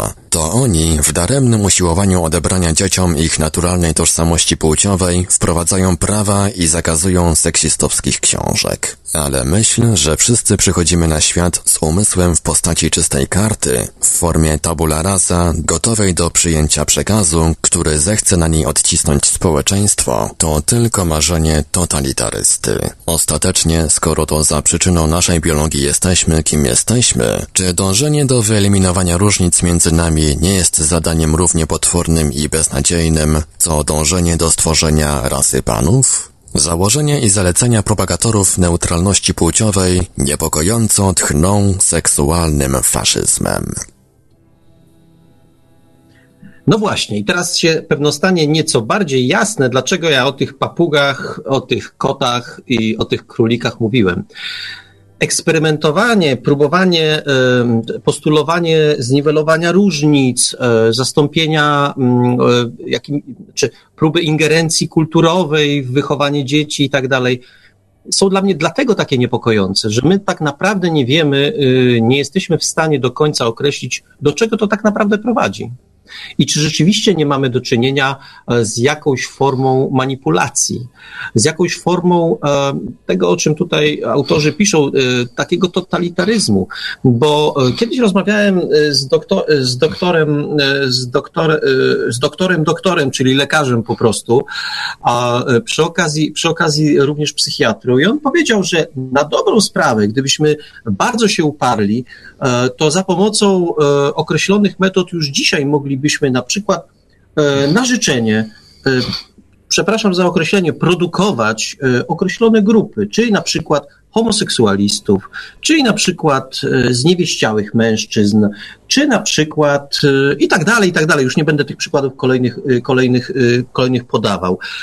Czyli tak naprawdę wchodzimy w taki moment, w którym możemy próbować sterować społeczeństwem już nie za pomocą propagandy, nie za pomocą jakichś innych oddziaływań, tylko za pomocą no nie wiem, co to może być symbole no strzykawki, czy powiedzmy tego, tego, tego instrumentarium, dzięki któremu dokonuje się różnych genetycznych manipulacji. I to, to może, może, być, może być niebezpieczne, no bo kiedy widzę, widzę przedstawicielki tego radykalnego feminizmu, które krzyczą coś, że mężczyźni chcą tego czy tamtego, to my chcemy tego samego. No, chyba tak nie jest, tak nie jest do końca i e, to, co napisali nasi czytelnicy na czacie, słuchacze e, napisali na czacie, że kobiety nie polubią e, dzisiejszej audycji. Ja naprawdę powtórzę, myślę, że kobiety i mężczyźni mogą, jeśli ją w ogóle polubią, to mogą ją polubić. Natomiast radykalne feministki, które uważają, że trzeba wszystko wywrócić do góry nogami, na pewno jej nie polubią. Wiesz, ale y, ty mówisz, że nie wiadomo. Ja, wie, ja rozumiem, przyroda, że tak powiem, testowała nas, y, kobiet i mężczyzn i nasze współ, y, współ, y, naszą wspólnotę testowała przez dziesiątki, setki tysięcy lat po prostu, albo dużo, dużo, dużo dłużej. Ten, ten układ został przetestowany. On się w jakiś sposób sprawdza na tyle, że ta cywilizacja trwa i pcha się do przodu. No, no i teraz pani feministka i mówi, że zrobi to lepiej. No ale słuchaj, to można też przetestować a jak dzisiaj le, le, lekarstwa są testowane, koncerny farmaceutyczne wynajdują w Chinach 200 tysięcy e, chętnych do, do tego, do, do, do poddania się testowi. Te 200 tysięcy to jest żaden promil po prostu w tej populacji chińskiej. Oni tam testują w jakimś miasteczku i potem wyniki są tego i potem my używamy albo nie używamy danego leku, nie? No to mogą sobie tam w Chinach też przetestować, e, dajmy na to, społeczeństwo typowo żeńskie albo typowo męskie, nie? Wszystko, wszystko przed nami stoi otworem. Dobrze, że to tak daleko, przynajmniej nie, nie, trafię, nie trafię do takiego testu, czy to obo, obojętnie, czy to y, dobrowolnie, czy przymusowo, no bo jednak przyznasz, że um, no, niektóre obrazy, które mi się jawią przed oczyma, kiedy sobie wyobrażę takie mm, te, te, rzeczy, które zaproponowałeś, to są nieco przerażające, ci powiem. No, no po to to mówię, y, żeby cię przerazić. Żeby przerazić. Czuję się przerażony. No, przerażony, ja też. No. Ale wiesz co, ja ci jeszcze nie odpuszczę, ponieważ dzisiaj rozmawiamy o mężczyznach i kobietach, to ponieważ dużo opowiadasz, e, opowiedz jeszcze historię, e, bo ta jest fascynująca, o tym, jak się zakochałeś. A, nie, nie, nie, nie, Marku. Powiedz, nie. jak się zakochałeś? Oczywiście, czy, czy e, jak już mówimy o tych straszliwych różnicach między kobietą a mężczyzną, to również powinniśmy uwzględniać trudności w nawiązaniu dialogu między tą kobietą a mężczyzną, czego Y, no właściwie wszyscy są mm, dostarczycielami tych eksperymentalnych, że tak powiem, dowodów na. No, wszyscy mają jakieś tam związki, układy, albo małżeństwa i tak dalej, nie? No, czy mi się, y, ja się zastanawiałem kiedyś, czy mi się udało kiedyś wejść w jakiś związek bezkolizyjny. No i doszedłem do wniosku, że tak. Y, kiedyś spotkałem naprawdę moją wielką miłość. E, a wiecie, jak to było? Szedłem sobie jako archeolog takim potokiem w tym potoku znalazłem taką, taki odłupek takiej skrupy glinianej. To było e, taka czarna z kultury amfor lejkowatych. No i podniosłem ten cały kawałek tej amfory opłukałem z gliny i tak dalej. Był tam e, kawałek uchwytu w kształcie takiego noska. Mm, e, to było prawie cały kawałek urny, kawałek wazy takiej, nie? No i przy tym uchwycie, który był w kształcie takiego noska e, i tak dalej, zauważyłem dziwną rzecz. Tam był odcisk linii papilarnych. Dokładnie. E, e, uświadomię słuchaczy, że mm, okres kultu e, tej amforlejkowatej gdzieś to jest gdzieś 5000 przed naszą erą, co, co się, o ile się, o ile dobrze pamiętam, nie? Czyli ten odcisk linii papilarnych został tam 5 tysięcy lat przed naszą erą, czyli jeszcze 2000 lat naszej ery, czyli jest to 7 tysięcy lat temu, nie? I ja sobie uświadomiłem, poszedłem do tego szefa archeologów, który, z którym pracowałem yy, i pytam go, nie? Ty stary, kto to robił, nie? On wzruszył ramionami, jak to baby to robiły, nie? I on mi wtedy uświadomił, że kobiety, nie, e, mężczyźni wtedy nie mieli rąk nadających się do tak delikatnej pracy, jak e, obróbka tej gliny i tak dalej i kształtowanie artystyczne tej formy glinianej. Ja mówię, tak, to robiła kobieta. Aha, czyli zobacz, patrz, słuchaj, to jest odcisk jej palca, tak? Popatrzył, no chyba tak, nie? Ja mówię, słuchaj, czy można wywnioskować, który to był palec, nie? Oj, ty dociekliwy człowiek jest. Byłem zawsze dociekliwy. Usiedliśmy, on zaczął patrzeć, mówi, no chyba tak, nie? E, e, linie papilarne się układają, tak zaczął to wszystko analizować i wyszło mu na palec środkowy prawej ręki. I teraz zwróćcie uwagę, co robi rzemieślnik y, pracujący w glinie, czy do przytwierdzenia czegoś ja mówię o ostatnim y, dotknięciu, kiedy zrobił dzieło sztuki, bo to był przepiękny ten cały garnek, nie? Wszystko było śliczne i tak dalej. Nie użyje już kciuka. Kciuk jest zbyt twardy, zbyt mocny. Mały paluszek jest zbyt delikatny, nim nic nie zrobisz, nie?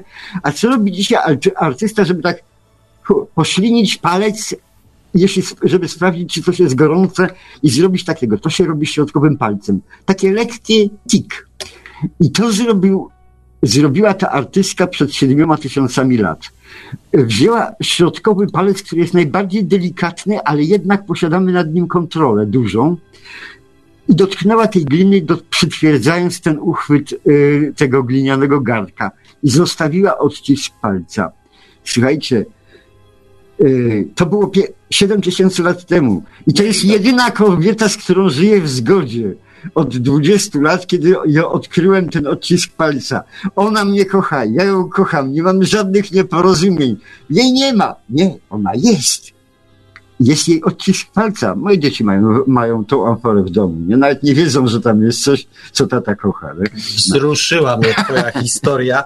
Powiem tylko, ale jak, jak, jako taki człowiek, który musi Mhm. jakby gdzieś tam drążyć sprawę, to powiem, że te, ta kultura tych e, amfor, czy Tak. tych lejkowatych, to jak sobie szybko sprawdziłem Mhm. podczas twojej Mhm. wypowiedzi, 3700, 1900 przed naszą erą. A no, no Nie tak, zmienia to faktu, że nie, masz nie, bardzo tak. starą narzeczoną. Pięć tysięcy lat. Nie tak. zmienia to faktu, że masz bardzo starą narzeczoną. I tylko wtedy można żyć w zgodzie. W tej, między takim rozstępem. A inaczej to trzeba się ucierać, ucierać, ucierać. Wiesz co, dla mnie jeszcze jest też, też ciekawą rzeczą, tak już zbliżając się do końca audycji, to e, myśmy w ogóle dzisiaj nie powiedzieli o tym, że przecież e, gatunek, jakim jesteśmy, Homo sapiens sapiens, e, to przecież nie jest jedyny gatunek na tej planecie. Zwróćmy, my odkrywamy dzisiaj w czasie audycji, staramy się przekazać prawdę, która dla wielu osób jest po prostu oczywista, że się różnimy. No przecież wystarczy się dobrze rozejrzeć po naszej planecie. Dymorfizm płciowy, bo zdaje się tak się to nazywa, no jest rzeczą powszechną. Przecież te, e, te zwierzaki, no ja wiem, że nas sprowadzam do takiego zoologicznego wymiaru, No bo Ale- jesteśmy zwierzętami. ale przecież te zwierzaki Mm. też się różnią. No nic innego nie robią, tylko się różnią. No przynajmniej w większości. Spora część gatunków jednak a, wygląda zupełnie inaczej w wydaniu męskim i w wydaniu żeńskim. No nie, nie znam, nie znam. Poza atomami, że tak powiem, to nie znam y, istot, które się między sobą nie różnią. Nie no, są jakieś takie gatunki, gdzie no, wiesz, no... Nie, nie, nie ma. Nie, Nie, ma. nie wiem, no Nie ma. Tylko atomy się nie różnią. Atom, jest, atom srebra jest taki sam jak atom srebra, ale reszta, tam gdzie wchodzi biologia e, do roboty, gdzie rusza, to tam na, na, natychmiast mnoży różnice. Wiesz co ci powiem, Dzięki dobrze, tym no, różnicom- no, Może ty masz rację, No. ale dla mnie królik y, k, y, i, i królica wyglądają tak samo, no może jakbym się był weterynarzem, to bym... Tak, a, go, a, a golonka każda smakuje tak samo, nie? No, tak, chociaż, no chociażby. No, w każdym razie, w każdym razie myślę, że ten dymorfizm płciowy, no, to, to Jest coś jest, powszechny i do czegoś służy jednak przyrodzie i widocznie skoro go skonstruowała, skoro zaplanowały te hormony, ten dy- dymorfizm i pielęgnują go, pracują nad tym, żeby e, pieczołowicie nad tym, żeby nas poróżnić A. po prostu już w kołysce, tak żeby nas poróżnić, to jest to, czemu służy. Ale to po powiedz, prostu, bo jest jeszcze no. pytanie o 35 pyta, skąd wiadomo, że to był odcisk palca kobiety. Mówiłeś to, ale powtórz. E, Mówiłem to dlatego, bo w tym czasie tylko kobiety się zajmowały tym rzemiosłem po prostu. E, Mężczyźni naprawdę mieli łapy e, chamskie po prostu do młota i do, do, do tego. Nie, do tego trzeba było bardzo delikatnych rąk, a to posiadały tylko kobiety. Nie. No ale zdajesz sobie sprawę, Mhm. że istnieje teoretycznie możliwość, że się zakochałeś z jakimś facecie. Nie, nie, nie, nie. E, Jak pamiętam, jak, e, jak, jak mnie archeolodzy uczyli odróżniania krzemiennych siekierek, mówili, zobacz, to jest ta cudowna siekierka, wiadomo kto to zrobił, to zrobiła kobieta, a zobacz, ten chamski, połupany, taki ledwo podobny do czegokolwiek, taki odłupek e, toporka i tak dalej, a to zrobił facet. Dlaczego? Bo był na polowaniu, nie było pod ręką kobiety i musiał sam to wyklepać, bo, bo inaczej by niczego nie zabił. To zrobił facet.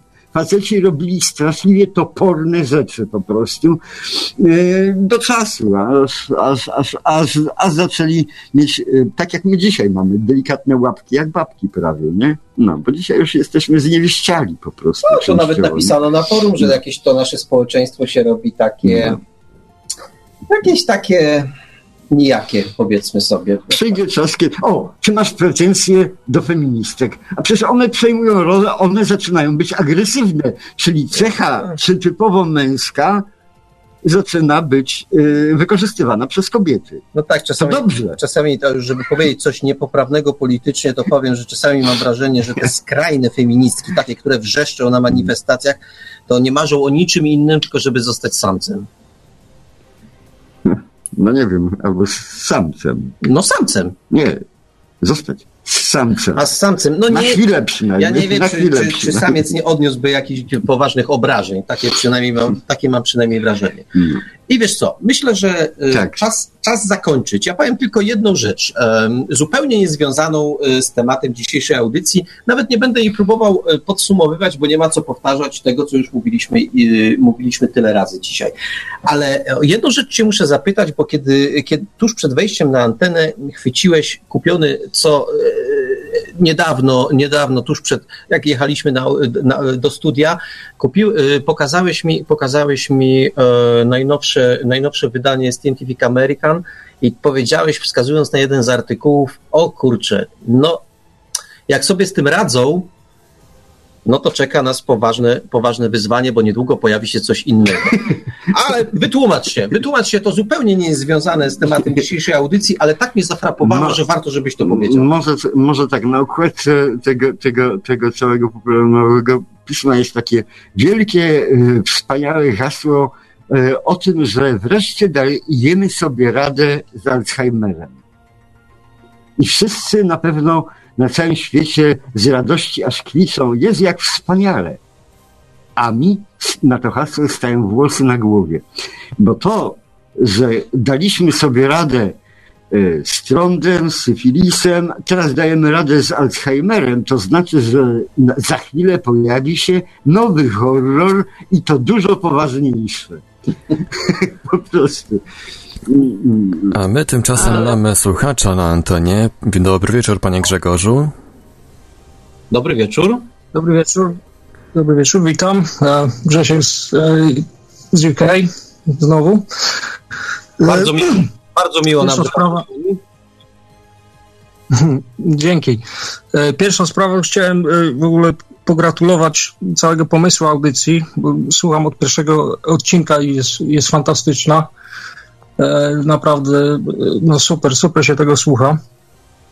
A szczególnie dzisiejszej, bo ja, ja no nie wiem, jaką panowie macie na to,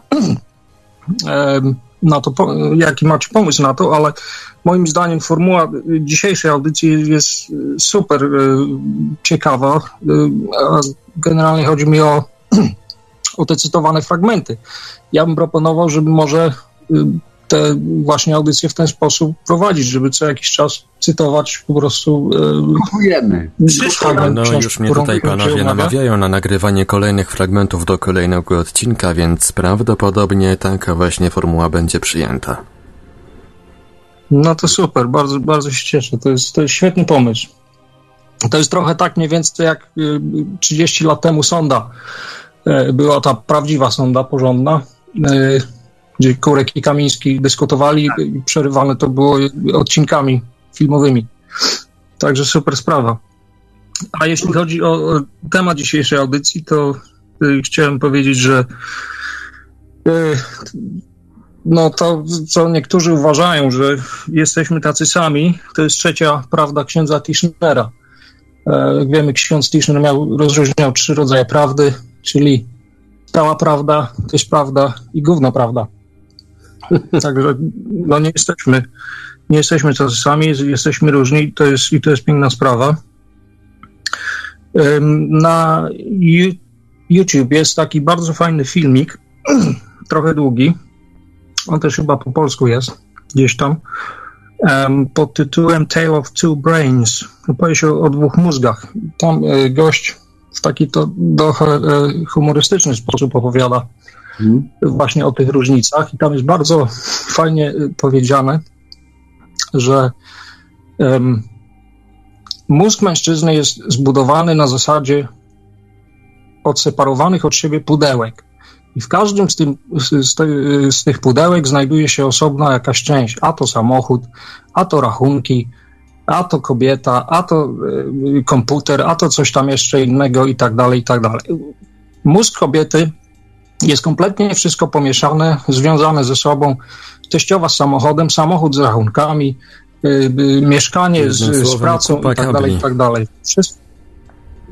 Tak, ale jedna jest ciekawa rzecz, której kobieta nie ma i nigdy nie może zrozumieć. I nigdy nie będzie mogła w stanie zrozumieć, bo mężczyzna ma jedno takie specjalne pudełko, które jest kompletnie puste zupełnie puste. I mężczyzna od czasu do czasu oddaje się właśnie y, takiej rozrywce, że, że siada w tym pudełku i nie można z nim nawiązać kontaktu. i kobieta nie może tego zrozumieć. I przychodzi i mówi, hej, hej, co tam, jesteś tam? I nic, nie ma odpowiedzi. Mężczyzna siedzi w tym pudełku pustym i, i w ogóle nie, nie można z nim nawiązać kontaktu. Że kobieta nigdy, nigdy tego nie zrozumie. Polecam właśnie y, Tale of Two Brains albo opowieść o, o dwóch mózgach na, na YouTubie. Super no. Tutaj jeszcze y, chciałem powiedzieć, że właśnie te, te różnice właśnie troszeczkę y, zanikają, kiedy kobieta osiąga menopauzę, czy już po menopauzie. Bo wtedy, co, co, się, co się wtedy dzieje? E, organizm kobiety cały czas wytwarza e, testosteron, tak czy siak. W niewielkim stopniu, ale, ale zawsze jest. A w momencie, kiedy e, przychodzi menopauzę i, i te żeńskie hormony przestają w ogóle działać, ten testosteron się uaktywnia, to znaczy staje się bardziej, bardziej widoczny. I dlatego właśnie na przykład po menopauzie niektórym kobietom zaczynają rosnąć wąsy czy brody bardzo, bardzo niewiele, ale, ale czasami się to zdarza. Ale dlatego też właśnie to jest główny, y, słyszałem, powód, dlaczego właśnie kobiety w tym wieku zaczynają bardzo dużą rolę odgrywać e, w polityce. Na przykład Merkel, czy Thatcher, czy y, y, Theresa May. Tutaj to są wszystko kobiety, które, które no, zaczynają jak gdyby mężnieć w tym, w tym okresie. Także, także tak to mniej, więcej wydaje mi się wygląda. Także, a jeszcze, jeśli, jeśli może o um, prawa, tak zwane prawa kobiet. Kiedy, kiedy ja słyszę takie hasło prawa kobiet, to mi się krew burzy. Bo właśnie te wszystkie feministki mówią, że prawa kobiet, prawa.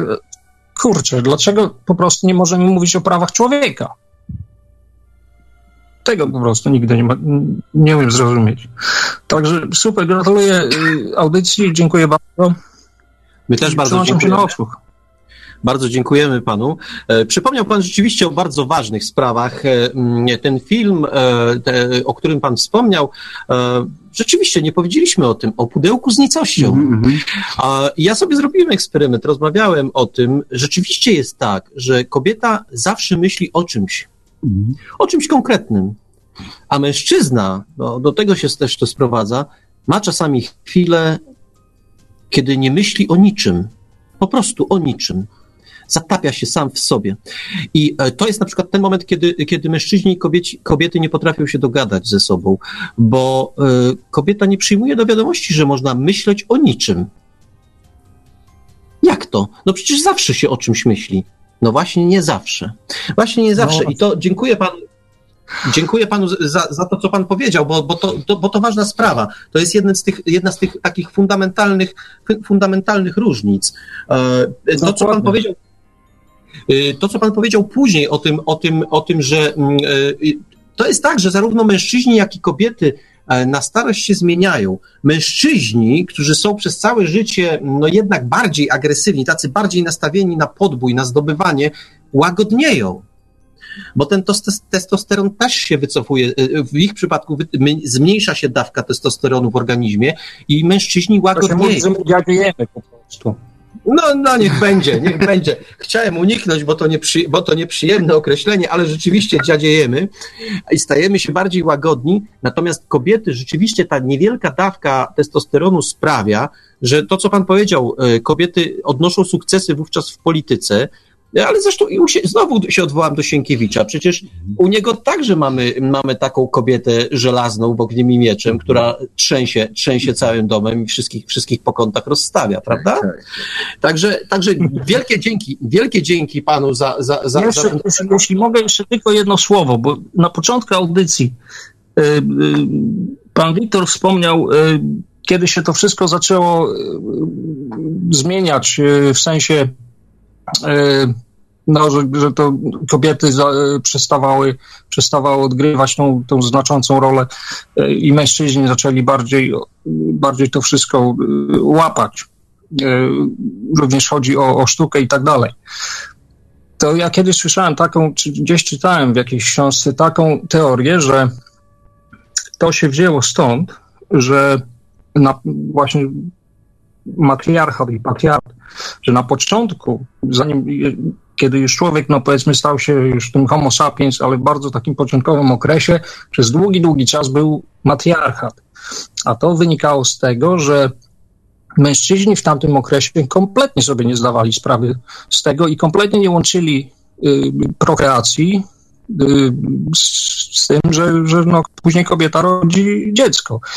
I y, długo, długo uważano, że y, rodzenie dzieci przez kobiety to jest jakiś zupełnie kompletnie y, akt boski i dlatego no, dawali kobietom o wiele większą rolę i no, był taki, powiedzmy sobie, matriarchalny typ społeczeństwa. Dopiero w momencie, kiedy się połapali, że o, to ja, że tutaj mężczyzna też ma jakąś coś, coś do powiedzenia, to się wtedy dopiero zaczęło zmieniać.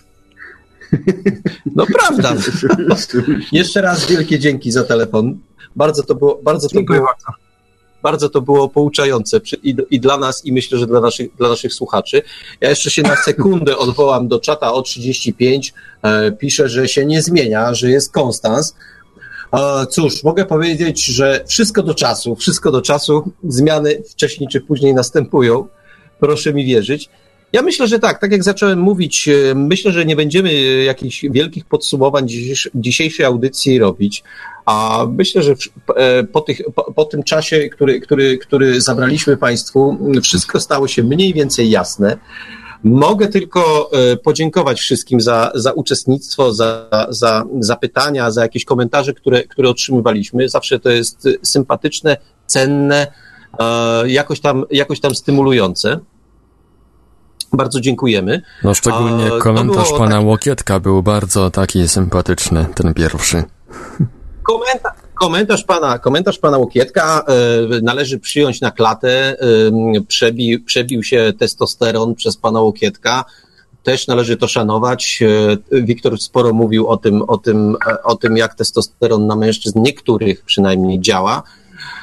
No więc, no więc, e, no więc przyjmijmy to po prostu, że tak, że tak musi być i że, że niektórym to, co mówimy, może się nie podobać. Godzę się z tym i zupełnie świadomie. No, ty się godzisz, a ja jestem smutny. Tak. Strasznie smutny, bo do mnie dopiero teraz dotarła prawda, że ja w normalnych warunkach to bym na tych cholernych babach nie zostawił suchej nitki. A ja tutaj je wręcz co to znaczy testosteron. Zdziadziałem, złagodniałem. Wycofał ci się. Wycofałem się. Wycofał tak, ci się. Tak no, jest. No, ja to teraz rozumiem, moją miłość do tych. Jasne. No. Jasne. No cóż, tak się zbliżamy, zbliżamy, zbliżamy, tak jak minister Sienkiewicz z poprzedniego rządu mówił, że idziemy po was, idziemy, idziemy, no więc my też zbliżamy się do końca, zbliżamy, zbliżamy. Myślę, że się już zbliżyliśmy na tyle, że możemy powiedzieć e, o następnej audycji. A następna audycja mm, będzie z gościem.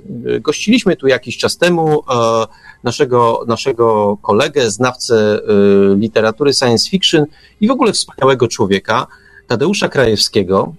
A okazja będzie o tyle dobra, e, żeby tu ugościć Tadeusza, że chcemy rozmawiać o zmarłym niedawno, bo w grudniu zeszłego roku pisarzu, o którym pewno nie wszyscy słyszeli, bo być może słyszało o nim niewiele, niewiele osób, a mianowicie o Jurku Gruntkowskim. Jerzy Gruntkowski, e, dzisiaj to nazwisko, tak jak e, próbowałem się zorientować, bardzo młodym ludziom mówi bardzo niewiele. E, nieco starszym fanom takich opowieści, właściwie częściowo historycznych, ale nie do końca, gdzieś trochę zahaczających może o fantazy, ale też nie do końca, coś już powie jednak. Bo Jurek Gruntkowski to był facet, który e, jak zadebiutował, to zadebiutował z hukiem, bo w 80., w pierwszej połowie lat 80. zadebiutować w wydawnictwie literackim Kraków to było coś. To, e, to było wywyższenie. A on właśnie, właśnie w tym wydawnictwie zadebiutował. E, ta jego książka, ta jego książka nazywała się Annopolis, miasto moich snów. Kilka lat później w tym samym wydawnictwie, czyli podtrzymywał wysoki, wysoki poziom, ukazała się książka Annopolis Świat mojej wyobraźni. To są dwa zbiory opowiadań, które się dzieją gdzieś tam w Annopolis, w takim mieście, państwie. Dlatego powiedziałem, że trochę bliskie jest to fantazy, ale takiej specyficznej fantazy to jednak są. E, Jurek Grundkowski był człowiekiem, który, który doskonale znał historię. Był historykiem, ale takim historykiem z krwi i kości, który, który potrafił, który potrafił e, ten, o tej historii pięknie opowiadać, potrafił e, wyciągać pewne ogólne rzeczy, potrafił po prostu, po prostu, a poza tym był był świetnym pisarzem, pewno niedocenionym, pewno, pewno czasy późniejsze, które nastąpiły y, po, po, po zmianie ustroju, sprawiły, że, że zgorzkniał, że, że pewne rzeczy mu się nie udały. Ale wydawał książki, między innymi e, wydał przecież Lancelota z Nadrenu. Jeśli ktoś nie zna tych książek, to, to powtórzę. Annopolis, Miasto moich snów i, an, i drugi tytuł Annopolis, Świat mojej wyobraźni polecam te książki. One są czasami w antykwariatach jeszcze dostępne. To myślę, że też, y, myślę też, że ukaże się nowe wydanie, ale tu, tu najpierw y, trzeba będzie porozmawiać z wydawcą. Ale to są książki, które pomimo tego, że nie są znane, to nie jest hitowy, to nie jest hitowy pisarz, który jest rozchwytywany, o którym wszyscy mówią. Y, to nie jest, to nie jest Dukaj, to nie jest Robert Schmidt, ale to jest taki zapomniany pisarz, o którym warto powiedzieć. Warto powiedzieć, bo te, jego, bo te jego utwory są bardzo ciekawe, co zresztą e, ta nieco zmieniona formuła audycji będzie mogła pokazać, jak piękną prozę pisał e, Jurek Grundkowski. Myślę, że e, może w tej następnej audycji słuchanie naszych, naszych, naszych gadek, tutaj przekomarzań się, czy tego, y, tego co będzie, będzie miał do powiedzenia nasz gość, będzie ważne, ale najważniejsze będzie to, że proza Jurka zaistnieje i być może y, naszych czytelników, przynajmniej niektórych, Jurek przekona do siebie, tak z zagrobu już trochę, a nawet na pewno, przekona do siebie, bo to, co pisał, jest naprawdę jest naprawdę świetne i warto, warto to przypomnieć. Dlatego zapraszamy, zapraszamy na następną audycję. Za dwa tygodnie będziemy mówić o, o Jerzym Grundkowskim e, i jego książkach Annopolis, Miasto moich snów, Annopolis, miast, e, Świat mojej wyobraźni. No ja, ja w każdym razie gwarantuję, że audycja nie będzie mniej kontrowersyjna niż ta dzisiejsza. No tak. Yy, yy, to była ciekawa postać ten Grundkowski. Tak, naprawdę. Wiktor wie, co mówi, bo zarówno Wiktor, ale Wiktor to ma powiedzmy dłuższy, ma zdecydowanie dłuższy staż. Doskonale Jurka znał. Ja z tym krótszym stażem, ale też Jurka zdołałem poznać. Tadeusz Krajewski, nasz gość, yy, również Jurka świetnie znał, a więc nie będziemy tylko gadać o literaturze, jak to pięknie pisał Jerzy Grudkowski, no bo to myślę, że co słabszych, słabszych naszych słuchaczy mogłoby dobić. E, będziemy oczywiście mówić o prozie, ale będziemy też mówić o samym Jurku, który był postacią nietuzinkową i który myślę, że miał dystans do siebie. Jak powiedział mi dzisiaj Tadeusz w rozmowie telefonicznej, e, w takim upublicznionym e, dokumencie, który, który znaleziono po jego śmierci, napisał: Kiedyś byłem całkiem niezłym prozaikiem. Napisał to wiele, wiele lat po tym, jak wydał ostatnią książkę. Na mnie to zrobiło kolosalne wrażenie. Powiem, że, powiem, że wstrząsnęło mną to wyznanie.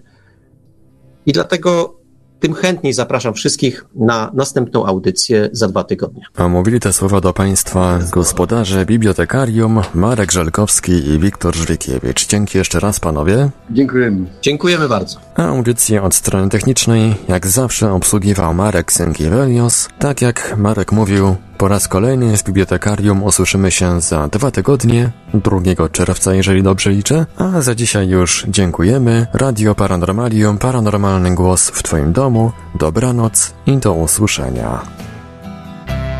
Ground Major. Ground control to Major Tom. Take your protein pills and put your helmet on. ground control to Major Toms. Commencing countdown, engines on. Three, two, check ignition, and may God's love be with you.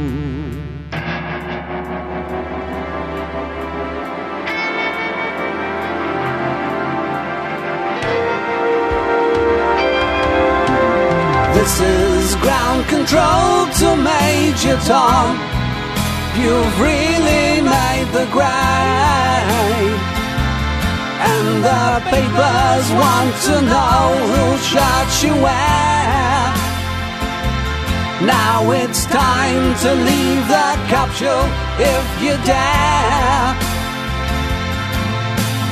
This is Major Tom to ground control. I'm stepping through the door. And I'm floating in the most peculiar way. And the stars look very different today. For here am I sitting in the tin can.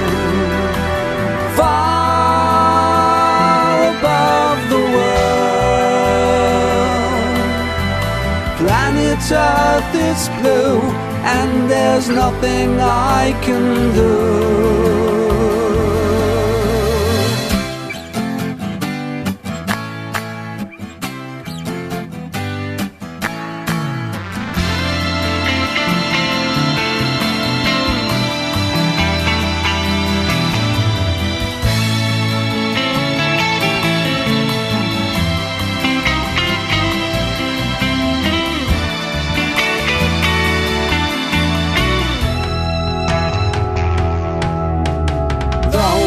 Across 100,000 miles, I'm feeling very still.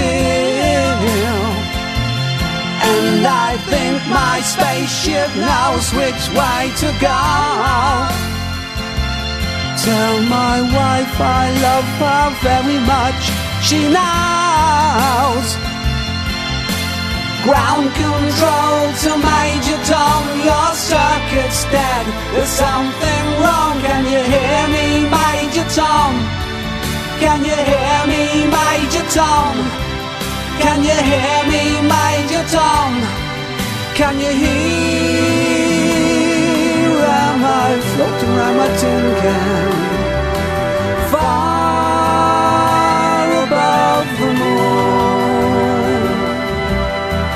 Planet Earth is blue, and there's nothing I can do.